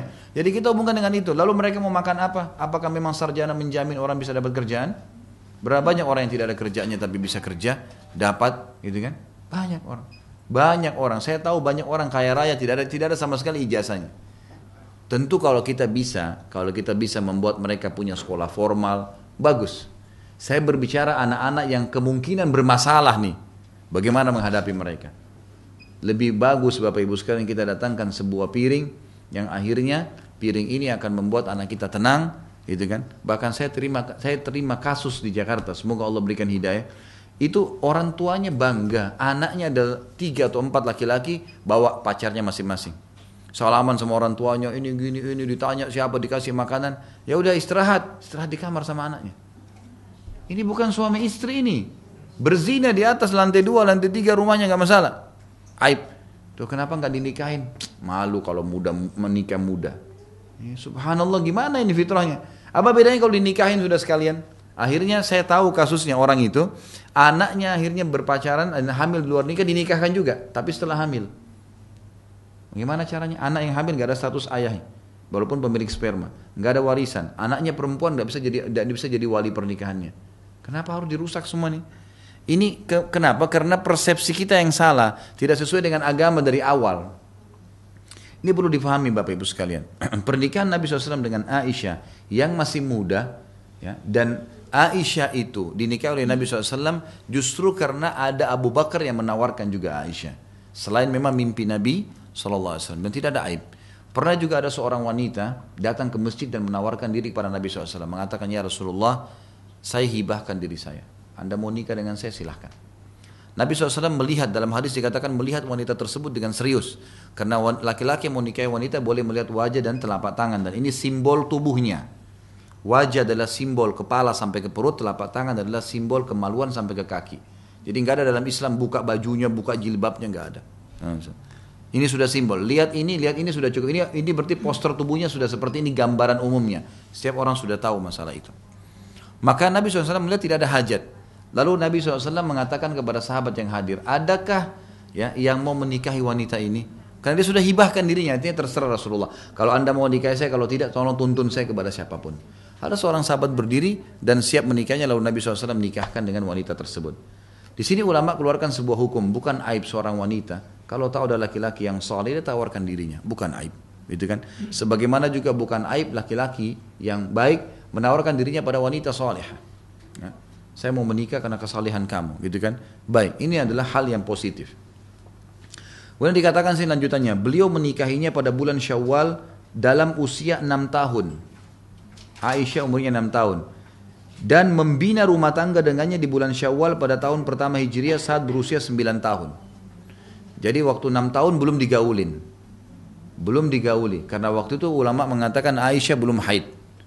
Tapi sudah menjadi status istri. Gitu kan? Status istri. Di sini karena kesolehan Nabi SAW seorang Nabi, maka Abu Bakar tidak mau kehilangan fadilah itu, dinikahkanlah. Setelah balik, karena umumnya wanita di Jazirah Arab itu balik di umur 9 tahun. Biasanya karena faktor cuaca ya, faktor cuaca di Jazirah Arab, di wilayah-wilayah umumnya panas, itu India, eh, Jazirah Arab, yang ada gurun pasir ya, termasuk di sini sebagian wilayah Rusia, itu memang biasanya wanita mereka lebih cepat balik. Ada 8 tahun, 9 tahun sudah balik. Laki-laki juga begitu, biasanya laki-laki di umur 10-11 tahun sudah balik. Kalau wilayah kayak kita katulistiwa, di garis katulistiwa biasanya karena kelembaban tinggi, ini berpengaruh pada kebutuhan biologis. Makanya di Timur Tengah biasanya bulu itu lebih banyak tumbuh di badan karena faktor uh, gen, faktor apa namanya hormon ini dan faktor cuaca. Di kita di, di Asia Tenggara umumnya tidak seperti ini. Mungkin bulu di badan tidak terlalu banyak, uh, hawa nafsu juga tidak seperti beratnya orang yang berada di Timur Tengah. Ini bukan karena makanan, tapi karena faktor lingkungan. Karena kalau mereka makan kambing misalnya, kita juga makan kambing. Tapi ini faktor cuaca, udara memang berbeda, gitu kan. Nah kalau kita biasa umumnya balik diadakan penelitian itu kalau perempuan biasanya 13 tahun, 14 tahun, laki-laki pun biasanya berada di umur ini. Kalau ada perempuan di bawah ini biasanya memang kena faktor hormon yang ada. Nah di sini disebutkan di footnote nomor 24, ini menimbulkan banyak kecaman dari para kaum orientalis dan antek-anteknya tentang pernikahan Nabi SAW dengan Aisyah yang ketika itu masih berusia 9 tahun. Namun para ulama telah mengembalikan kecaman dan anak panah mereka pada leher mereka sendiri. Sebagaimana telah menjadi ketetapan bahwa pernikahan Nabi SAW dengan Ummul Mukminin Aisyah adalah berasal dari perintah Allah. Sebagaimana disebutkan dalam hadis, sesuatu yang berasal dari Allah maka itu memiliki hikmah yang banyak dan besar. Di antaranya Nabi SAW harus menikahi menikah dengan gadis belia agar ia bisa mengembang tugas dakwah dan menyampaikannya setelah kematiannya. Apalagi sudah dekat masa kematian Nabi SAW. Kan Nabi waktu menikah dengan Aisyah itu sudah di umur 53 tahun ya. Nabi SAW meninggal umur berapa? 63. Jadi cuma fase 10 tahun hidup dengan Nabi SAW. Dan ini fase kaderisasi. Makanya riwayat-riwayat kalau dari perempuan paling banyak dari Aisyah radhiyallahu anha. Bahkan setelah Nabi SAW meninggal, umur beliau itu masih ada ulama mengatakan 17-18 tahun. Tapi menjadi ulamanya sahabat. Sampai banyak sahabat yang bertanya terutama berhubungan dengan masalah hubungan rumah tangganya Nabi SAW. Keadaan rumah, eh, hukum-hukum wanita, haid, nifas, hukum berhubungan biologis, bermesraan dengan Nabi SAW. Ini semua dari Aisyah radhiyallahu anha. Ini salah satu di antara hikmahnya sebab Ummul Mukminin Aisyah tergolong sahabat yang paling banyak meriwayatkan ucapan dan perbuatan Nabi SAW. Dialah yang menyampaikan kepada umat tentang kehidupan Nabi secara khusus berupa qiyamul lail, tidur, sholat, pekerjaan di rumahnya, kehidupan rumah tangga dan banyak lainnya. Ini tidak dimiliki oleh seorang pun dari istri-istri yang lain seandainya ia berusia tua niscaya ia mati ya, selang beberapa waktu dari kematian Nabi SAW. Bersamaan dengan itu pula lenyapnya mayoritas sunnah dan berita tentang kehidupan Nabi SAW. Jadi ternyata betul di antara istri Nabi SAW termasuk Aisyah ini istri Nabi yang paling lama meninggal dunia. Karena masih muda. Dan dengan itu umat banyak mengambil pelajaran dari Aisyah radhiyallahu anha. Adapun bagaimana Nabi SAW membangun rumah tangga sementara usia Aisyah masih 9 tahun, apakah ini sudah pantas menikah dalam usia sekecil ini? Sebagaimana telah diketahui bahwa orang-orang yang hidup di wilayah-wilayah yang berdekatan dengan garis katulistiwa, gadis mereka mencapai usia haid lebih cepat uh, daripada gadis yang hidup di wilayah-wilayah yang dingin dan jauh dari garis katulistiwa itu sendiri. Yang pertama biasa haid pada usia 8 atau 9 tahun, sementara yang kedua haidnya baru datang hingga usia 14 atau 15 atau lebih daripada itu. Ini maksud ini e, daerah gurun panas ya seperti yang saya jelaskan tadi. Bukan tolak ukur garis katulistiwanya sebenarnya, karena katulistiwa lebih dekat kepada kita, gitu kan, lebih dekat kepada Indonesia. Tapi kita lihat ternyata Indonesia sebenarnya baliknya lebih telat seperti umumnya di wilayah-wilayah yang ada musim dinginnya. Pelajaran surat kabar Al-Jumhuriyah Al-Masriyah. Jadi kebetulan penulis ini dari Mesir beliau dan beliau uh, tinggal di Afrika. Maka beliau tidak mengetahui tentang kasus garis katulistiwa itu. Jadi yang dimaksud adalah masalah hidup di dekat sekitar padang pasir. Beliau mengatakan surat kabar Al-Jumhuriyah, Al-Masriyah, sama kalau kita nama-nama koran terkenal lah ya. Itu pada tanggal 1 bulan 10 1997 Masehi, pada halaman kedua menyebutkan berita ini berjudul anak wanita Pakistan berusia 8 tahun eh, 8 tahun hamil 5 bulan. Jadi di Pakistan karena termasuk daerah padang pasir ada anak 8 tahun dinikahkan oleh orang tuanya terus hamil gitu kan Kok bisa terjadi? Berarti dia sudah haid di umur itu. Surat kabar ini menyebutkan para dokter Pakistan telah menemukan keberadaan anak wanita usia 8 tahun sedang hamil 5 bulan dan ini menandakan memang mereka sudah haid pada saat itu. Ini cuma membuktikan tentang masalah haid itu. Bahkan di, di salah satu negara Arab, kalau saya tidak salah di Imarat Arab itu, ada seorang wanita umurnya 18 tahun punya cucu. Ya, ya ini fakta, nggak usah dibayangkan. Gitu. Hmm, terutama ibu-ibu karena biasanya kalau saya bicara masalah cerai dibayangkan dirinya cerai, nikah dibayangkan nikah. Jangan pakai perasaan. Ini fakta yang terjadi. Jadi wanita ini ternyata menikah dinikahi oleh salah satu dinikahkan orang tuanya dengan salah satu kerabatnya yang juga masih muda. Anak wanita ini ternyata haid di umur 9 tahun, gitu kan? Dan kelihatan anak ini poster tubuhnya beda, sudah seperti anak yang 18 tahun, 19 tahun, sudah sangat besar, postur tubuhnya dan kelihatan anak ini sangat dewasa. Oleh orang tuanya dinikahkan sama sepupunya sendiri ya kan? sepupunya juga sekitar 18 tahun kalau nggak salah umurnya menikah dengan anak ini. Satu tahun kemudian di umur 10 tahun ternyata hamil gitu kan? Dan melahirkan anak. Anak pertamanya perempuan. Anak pertamanya perempuan si perempuan ini. Ternyata anak perempuannya dia sama dengan dia sama dengan ibunya. Di umur 9 tahun haid juga. Postur tubuhnya juga besar. Oleh ibunya ibunya ini sekarang umur 18 tahun dinikahkan anaknya. Jadi umur pada saat anaknya menikah 9 tahun, satu tahun kemudian punya anak, jadi si ibu ini punya punya cucu di umur 18 tahun. Itu ada kejadian, tapi yang kita sedang titik beratkan masalah adanya haid di umur itu ya. Bukan kita bicara tentang faktor masalah pernikahan tadi. Dikatakan beliau tidak menikah, ini kita lanjutkan bahasan tentang istri Nabi SAW yang ketiga Aisyah radhiallahu anha Beliau Nabi Muhammad SAW tidak menikah dengan satu gadis pun selainnya dan wahyu tidak pernah turun pada beliau saat berada di selimut wanita selainnya. Maksudnya pada saat uh, berada di rumah wanita lain tidak pernah wahyu turun. Tapi kalau di rumah Aisyah wahyu sering turun, gitu kan? Ini menandakan memang ada hukum tersendiri yang Allah inginkan pernikahan Nabi SAW dengan Aisyah. Aisyah adalah wanita yang paling dicintainya dan pembebasannya turun dari langit ketujuh. Sudah tahu masalah ini ya? Jadi pernah waktu Nabi SAW pulang dari perang Bani Mustalik namanya. Perang ada satu suku namanya Mustalik. Itu Nabi SAW pulang ternyata waktu pasukan lagi istirahat gitu kan. Nabi SAW uh, bersama sahabat lagi istirahat. Aisyah anha ini rupanya punya hajat. Orang zaman dulu maaf kalau mau kencing, mau buang air besar pergi ke padang pasir. Kan ini istirahat tengah padang pasir ya.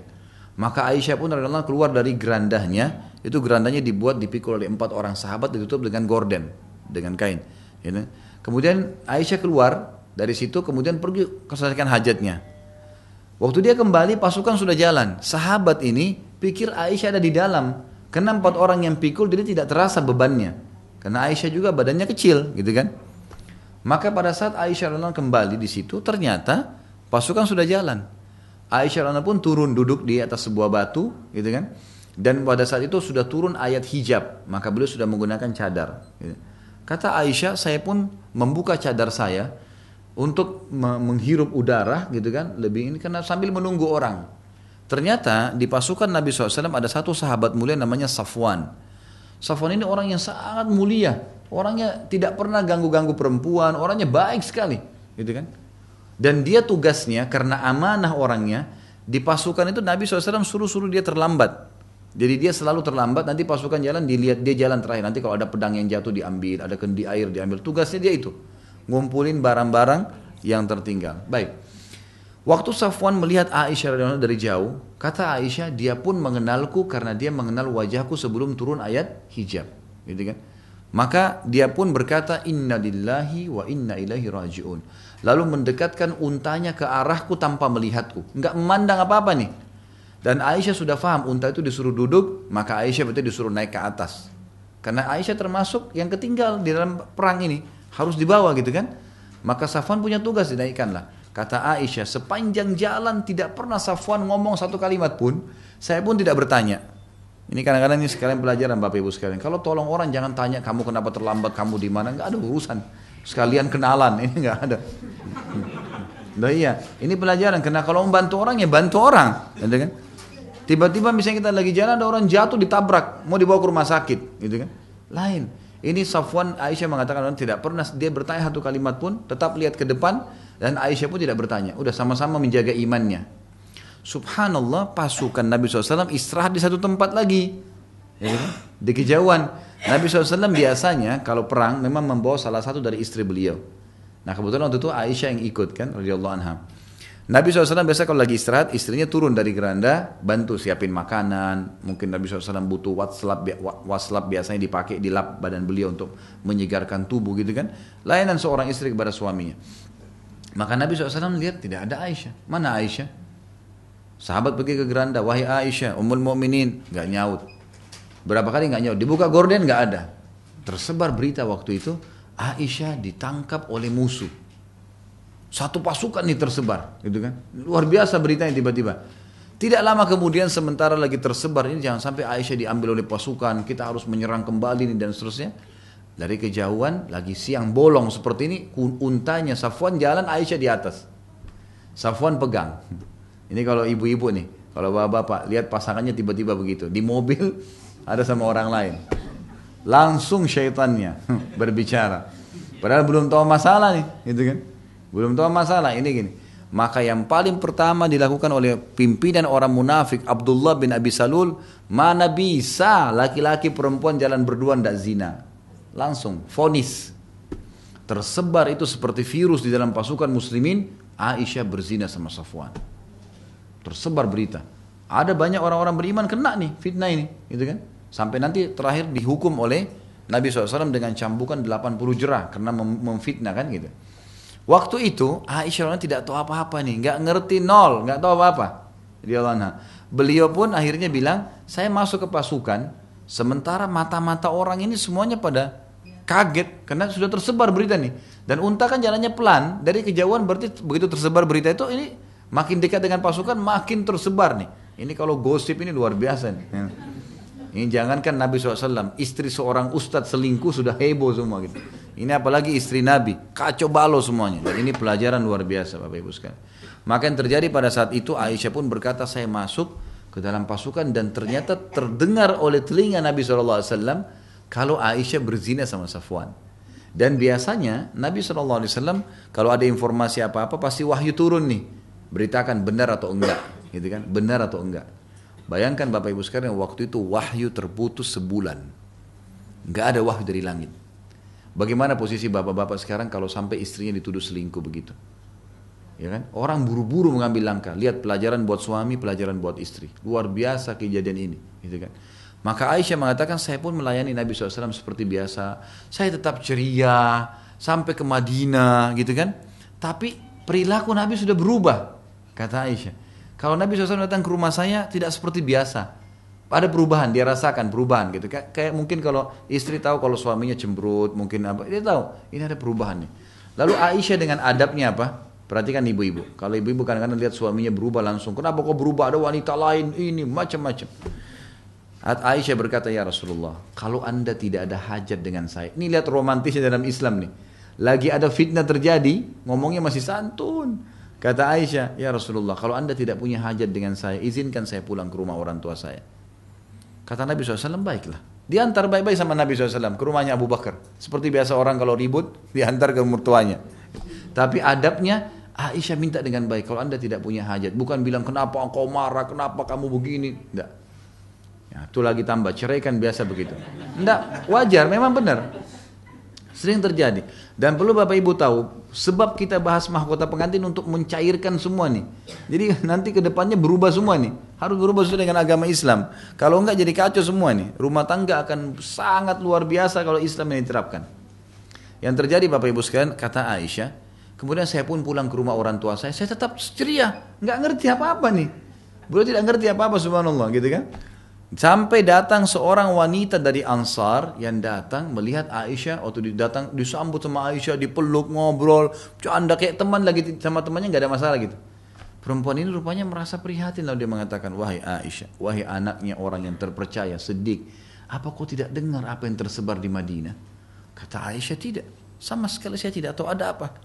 Mereka telah membicarakan sesuatu yang buruk tentang kamu untuk kau di atas tunggangannya Safwan telah tersebar berita kau berzina dengannya. Kata Aisyah, tiba-tiba seluruh tulang saya jadi lemas, jatuh terduduk di lantai dan menangis sambil berkata, apakah mereka menyebarkan itu? Kata kata kata tersebut, iya wahai Aisyah, mereka menyebarkan itu. Apa kau percaya? Dia bilang tidak, saya tidak percaya. Saya tahu siapa kamu. Tapi di Madinah ini satu Madinah sudah dua kubu nih, yang percaya dan yang tidak percaya. Kata Aisyah, saya pun menangis dan saya hanya berkata, ini sebabnya Kenapa Rasulullah SAW berubah? Saya sudah mulai tahu nih, kata Aisyah. Semuanya itu saya menangis terus, gitu kan. Nabi SAW tunggu wahyu. Untuk memberitahukan, ini benar atau salah nih. Tapi sebulan gak ada wahyu. Ah, Nabi SAW coba beristihad. Hari demi hari berdoa, belum ada datang wahyu. Sampai puncaknya setelah sebulan, Nabi SAW sudah pisah rumah sama Aisyah. Gitu kan. Tapi mengunjungin iya. Gitu kan. Tapi di rumah situ. Maka setelah disampaikan oleh wanita dari Ansar tadi, Aisyah sudah merasa tahu, oh ternyata ini masalahnya. Nabi SAW rupanya waktu itu tidak mengunjungi Aisyah, tapi Aisyah, eh, Nabi SAW lagi mengumpulin sahabat dari eh, eh, dari sahabat muhajirin dan Ansar di di apa namanya di di masjid beliau. Lalu beliau mengatakan, kenapa ya ada orang yang menyakiti aku di keluargaku, menuduh keluargaku sesuatu yang tidak benar dan aku tidak tahu kecuali kebaikan darinya dan menuduh salah satu sahabatku maksudnya Safwan orang yang sangat takwa kepada Allah. Kenapa ada orang sebarin berita ini nih? Semua orang di Madinah tahu penyebarnya adalah kepala munafik Abdullah bin Abi Salul. Tapi adabnya Nabi, Bapak Ibu sekalian dalam Islam begitu. Kita kalau benci pun sama seseorang, jangan sebutin namanya. Nabi SAW tidak bilang, ini si fulan nih, enggak. Padahal Nabi SAW Nabi, Raja, bisa ambil keputusan pada saat itu. Mungkin kalau raja sekarang itu main hukum sembarangan saja gitu kan. Ini enggak. Nabi SAW cuma mengatakan kumpulin sahabatnya. Kenapa ya? Ada di antara kalian gitu kan. Yang menyakiti saya di keluarga saya. Katakan istri saya selingkuh dan segalanya. Sahabat, sahabat saya yang saya tidak tahu kecuali orang yang sangat bertakwa kepada Allah. Lalu rupanya sahabat ini sudah tahu nih siapa yang dimaksud. Orang ini Abdullah bin Abi Salul kepala munafikin dari suku Khazraj namanya. Di Madinah dulu ada dua suku, suku Arab Madinah yang nanti namanya Ansar, Aus dan Khazraj, dua suku ini. Nah, Aus dan Khazraj ini dari Khazraj itu ada Abdullah bin Abi Salul nih, kepala munafikin yang buat fitnah. Maka tiba-tiba berdiri orang dari Aus, dari suku yang satu, mengatakan ya Rasulullah, kami tahu siapa yang anda maksud. Perintahkan kami, kami tebas lehernya. Ini dari Aus nih. Berdiri satu orang dari Khazraj, dia tahu siapa yang dimaksud nih. Ini sudah mulai muncul fitnah besar, suku sama suku sudah mulai perang nih. Kata si dari orang Khazraj ini kepada Aus, demi Allah, kau tidak mengucapkan itu kecuali karena kau tahu dari suku kami. Kenapa kau berani mau tebas lehernya? Ribut nih. Berdiri lagi satu orang dari Aus, dihardik lagi yang tadi yang satu nih, yang terakhir. Dikatakan kamu munafik, kenapa kau bela dia? Ini menyakiti Rasulullah, tebas lehernya, ribut nih. Waktu Nabi SAW lihat ribut sahabat turun dari mimbar. Nabi diam, nggak ngomong apa-apa. Ini tambah besar fitnahnya. Sahabat pun sering ribut nih. Ini luar biasa gitu ya. Maka Nabi SAW pun menuju ke rumah Abu Bakar. Ini sekarang keputusan terakhir nih. Wahyu belum turun. Datang ke rumah Abu Bakar. Setelah salam sama Abu Bakar mertuanya, gitu kan. Kemudian beliau datangi Aisyah. Aisyah lagi nangis, gitu kan. Rupanya di sini Aisyah sudah tahu berita. Awalnya tidak seperti itu. Lalu kata Nabi SAW, ini lihat adab seorang suami pada istrinya, kalau informasi masih simpang siur, belum jelas. Apa yang harus dilakukan? Nabi SAW duduk dekat Aisyah lalu mengatakan, Wahai Aisyah, Wahai Aisyah, dengan suara baik, santun. Kalau kau benar melakukannya, bertaubatlah sama Allah. Allah maha pengampun. Taubat, kalau kau lakukan benar, taubat. Itu jalan kunci. Kalau kau tidak lakukan, pastikan Allah akan menurunkan pembelaanmu dari langit ketujuh. Aisyah bilang, tadinya saya lemas, nangis, berhari-hari nggak mau makan. Ini sampai malu rasanya mau keluar rumah nih. Satu Madinah tahu kalau ada berita tentang zina. Dia bilang tiba-tiba saya punya kekuatan, saya berdiri dan saya mengatakan, ya Rasulullah, Anda pun terpengaruh dengan informasi itu. Artinya luar biasa kalau sampai suami saya pun begitu. Nabi SAW diam. Kata Aisyah, wahai ayahku Abu Bakar, tolonglah. Ya, jawab Rasulullah SAW. Jangan Rasulullah pun terpengaruh dengan berita itu. Saya nggak lakukan. Apa kata Abu Bakar? Ini ibu-ibu ambil pelajaran. Subhanallah. Orang kalau kena fitnah, sabar Tuhannya bersama dia. Kata Abu Bakar, wahai anakku, saya tidak tahu mau jawab apa Rasulullah. Saya tidak tahu itu benar atau tidak. Kalau saya bela kamu, tujuan kamu lakukan, saya salah. Kalau saya mengatakan kau tidak lakukan, saya tidak punya bukti. Aisyah terputus dari suaminya. Madinah sudah fitnah, suaminya sekarang juga Nabi SAW diam. Abu Bakar pun ayahnya tidak mau bela. Dia balik ke ibunya, wahai ibuku. Jawablah Rasulullah SAW. Jawab nih, ini fitnah besar. Kata ibunya sama sama Abu Bakar. Hai anakku, saya tidak tahu mau jawab apa Rasulullah. Saya nggak tahu ini benar atau tidak. Kalau saya bela kamu sementara kau lakukan saya berdosa. Tapi kalau saya ya mengatakan kau tidak ternyata lalu saya mengatakan kau tidak saya tuduh kamu saya salah nggak boleh. Gitu kan? Lalu Aisyah mengatakan pada saat itu seluruh tubuh saya lebih remuk dari sebelumnya dan luar biasa saya merasa sudah tidak tahu harus buat apa. Sambil menangis dengan suara keras saya mengatakan saya hanya mengucapkan. Dia bilang ya Rasulullah. Kata Aisyah ya Rasulullah. Demi Allah saya tidak akan tobat kepada Allah masalah ini. Karena saya tidak melakukannya. Saya tidak berzina untuk apa saya tobat gitu kan. Lalu kata Aisyah ya Rasulullah. Saya hanya akan mengucapkan apa yang diucapkan Yakub alaihissalam, ayah Nabi Yusuf. Pada saat Yusuf hilang, Allah menceritakan dalam Al-Quran, Innama ashku bathi wa huzni ilallah. Saya hanya keluhan, saya akan sampaikan keluhan dan kesedihan saya kepada Allah. Kalian semua tidak percaya, saya kembalikan kepada Allah. Pada saat Aisyah menyebutkan kalimat tersebut sambil menangis, maka Nabi SAW tiba-tiba menyudut ke sudut sebuah eh, di sudut rumah itu. Biasanya Nabi SAW kalau begini ada wahyu mau turun. Maka beliau pun menyudut lalu kemudian turun wahyu. Beberapa saat kemudian kata Aisyah saya melihat Nabi SAW berkeringat karena beliau biasa kalau turun wahyu berkeringat. Kemudian beliau mendekati Aisyah berkata berita gembira wahai Aisyah. Allah telah turunkan pembebasanmu dari langit ketujuh. Maka subhanallah pada saat itu Bapak Ibu sekalian Allah subhanahu wa ta'ala membela Aisyah dari fitnah tersebut dan sampai hari kiamat dikenang. Sebagaimana saya ceritakan sekarang ke Bapak Ibu ini, maka siapa pun yang faham tentang sunnah Nabi akan membela Aisyah sampai hari kiamat. Satu kali dituduh, ya fitnah satu bulan, Allah bela seumur hidup, seumur hidup dunia ini sampai hari kiamat. Bagaimana orang kalau sabar, bagaimana suami sabar, bagaimana istri sabar. Ada fitnah terjadi. Jangan buru-buru menghakimi, menuduh, menyalahkan karena kita tidak tahu. Tapi Allah tidak akan tinggal diam dengan kejadian yang ada. Allah akan bongkar dengan caranya. Sabar. Pahala sabar didapatkan kalau cobaan datang. Kalau nggak ada cobaan, kapan kita bisa dapat pahala sabar? Nggak boleh buru-buru. Ini makna daripada perkataan tadi di sini dikatakan dan dialah adalah wanita yang diturunkan pembebasannya dari dari langit ketujuh. Ini maknanya. Lalu Nabi SAW tentu menghukum diperintahkan oleh Allah untuk mencabuk orang-orang yang membuat fitnah ya 80 jerah. Umat yang telah sepakat atas kekafiran siapa saja yang menuduhnya berzina. Kalau ada yang sudah turun ayat sudah membebaskan Aisyah dan kemudian masih dia katakan Aisyah berzina seperti orang-orang Syiah sekarang, udah itu jelas kekufuran. Gimana caranya istri Nabi dituduh berzina? Gak mungkin. Zaman dulu saya dituduh terus turun ayat membelahnya, gitu kan?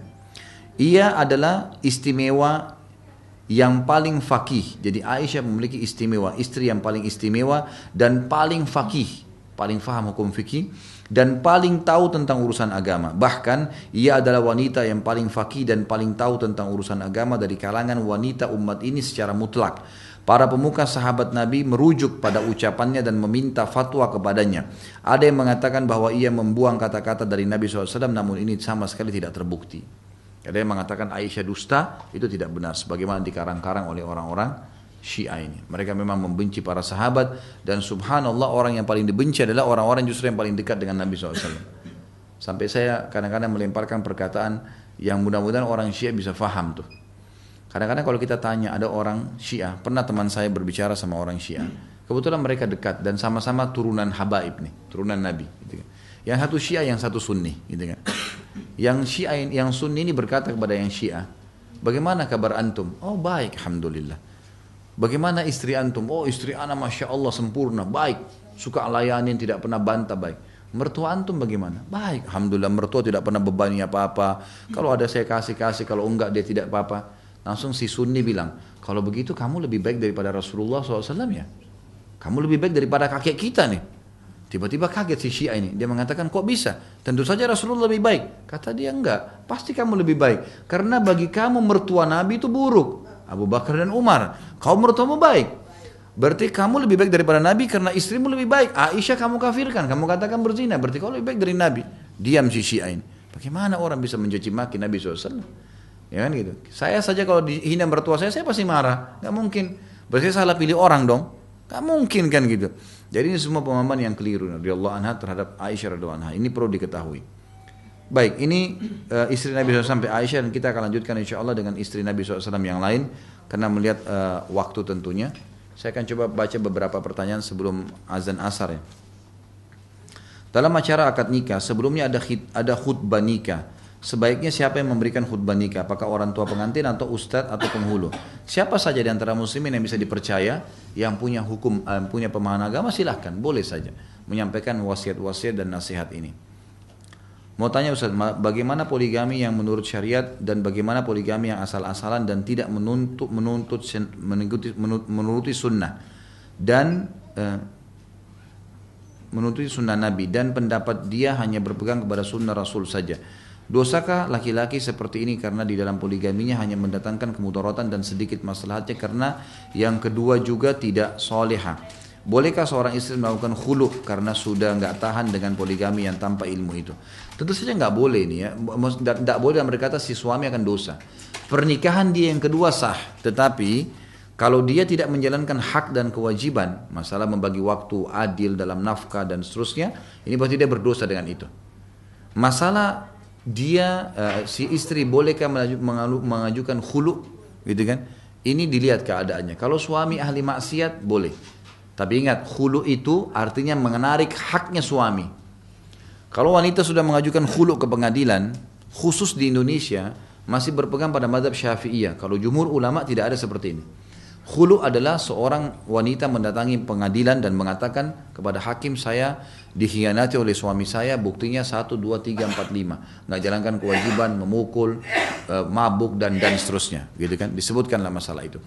Nah nanti si hakim akan mengirim surat kepada si suami mengundang dan suami disuruh ini loh alasan istrimu minta cerai. Jawab dijawab sama dia Datangkan bukti-bukti. Nanti dari dua, tiga kali, empat, lima kali pertemuan, nanti hakim akan ambil kesimpulan siapa yang salah, siapa yang benar.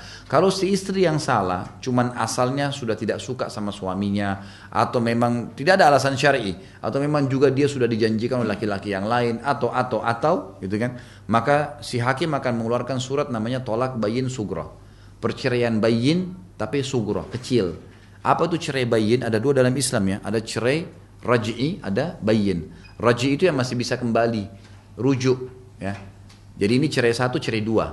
Kalau suami bilang saya ceraikan satu, saya ceraikan dua, ini masih bisa rujuk. Selama masa iddah, tiga kali masa haid, boleh kembali tanpa nikah.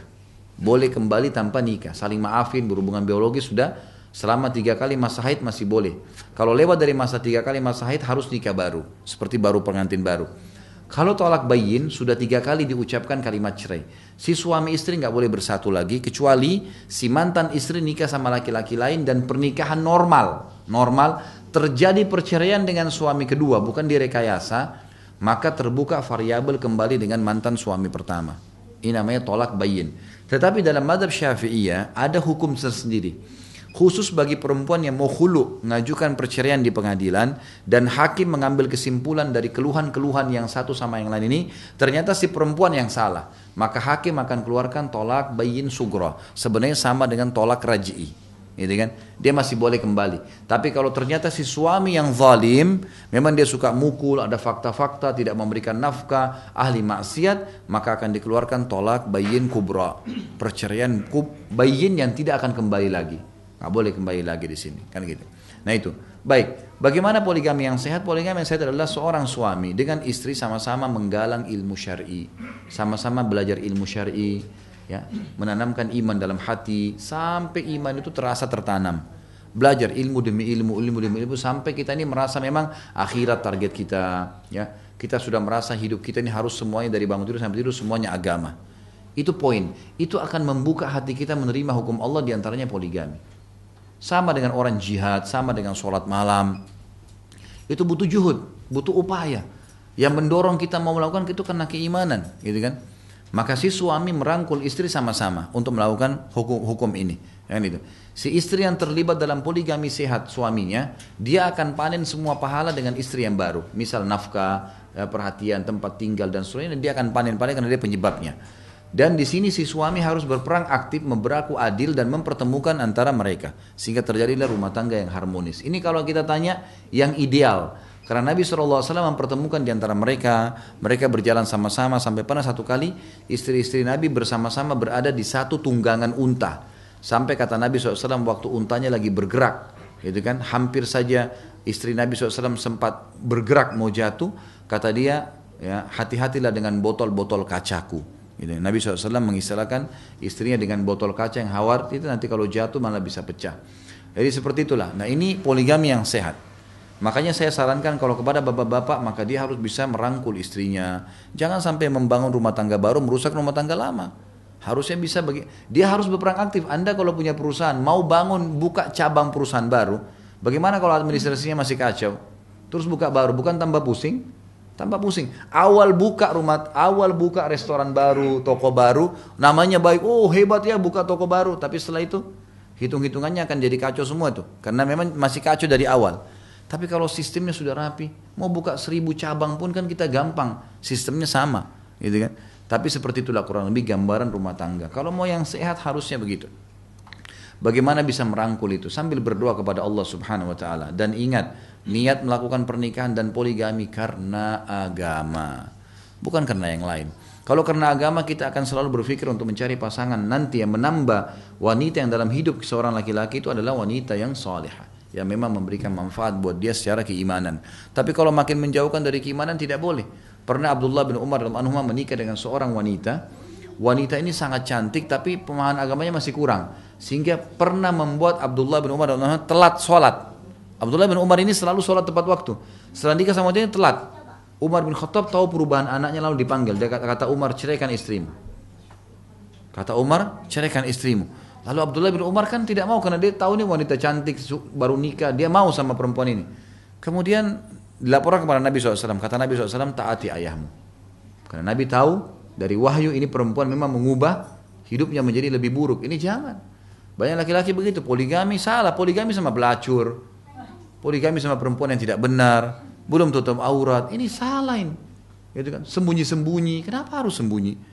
Bahasakan baik-baik gitu kan santun oh tidak bisa terima karena belum paham aja coba terus berdoa fahami mungkin Allah juga melihat kadang-kadang begini Bapak Ibu sekalian Allah tidak membukakan kita sebuah pintu. Justru karena kalau Allah buka Allah tahu kita jadi masalah.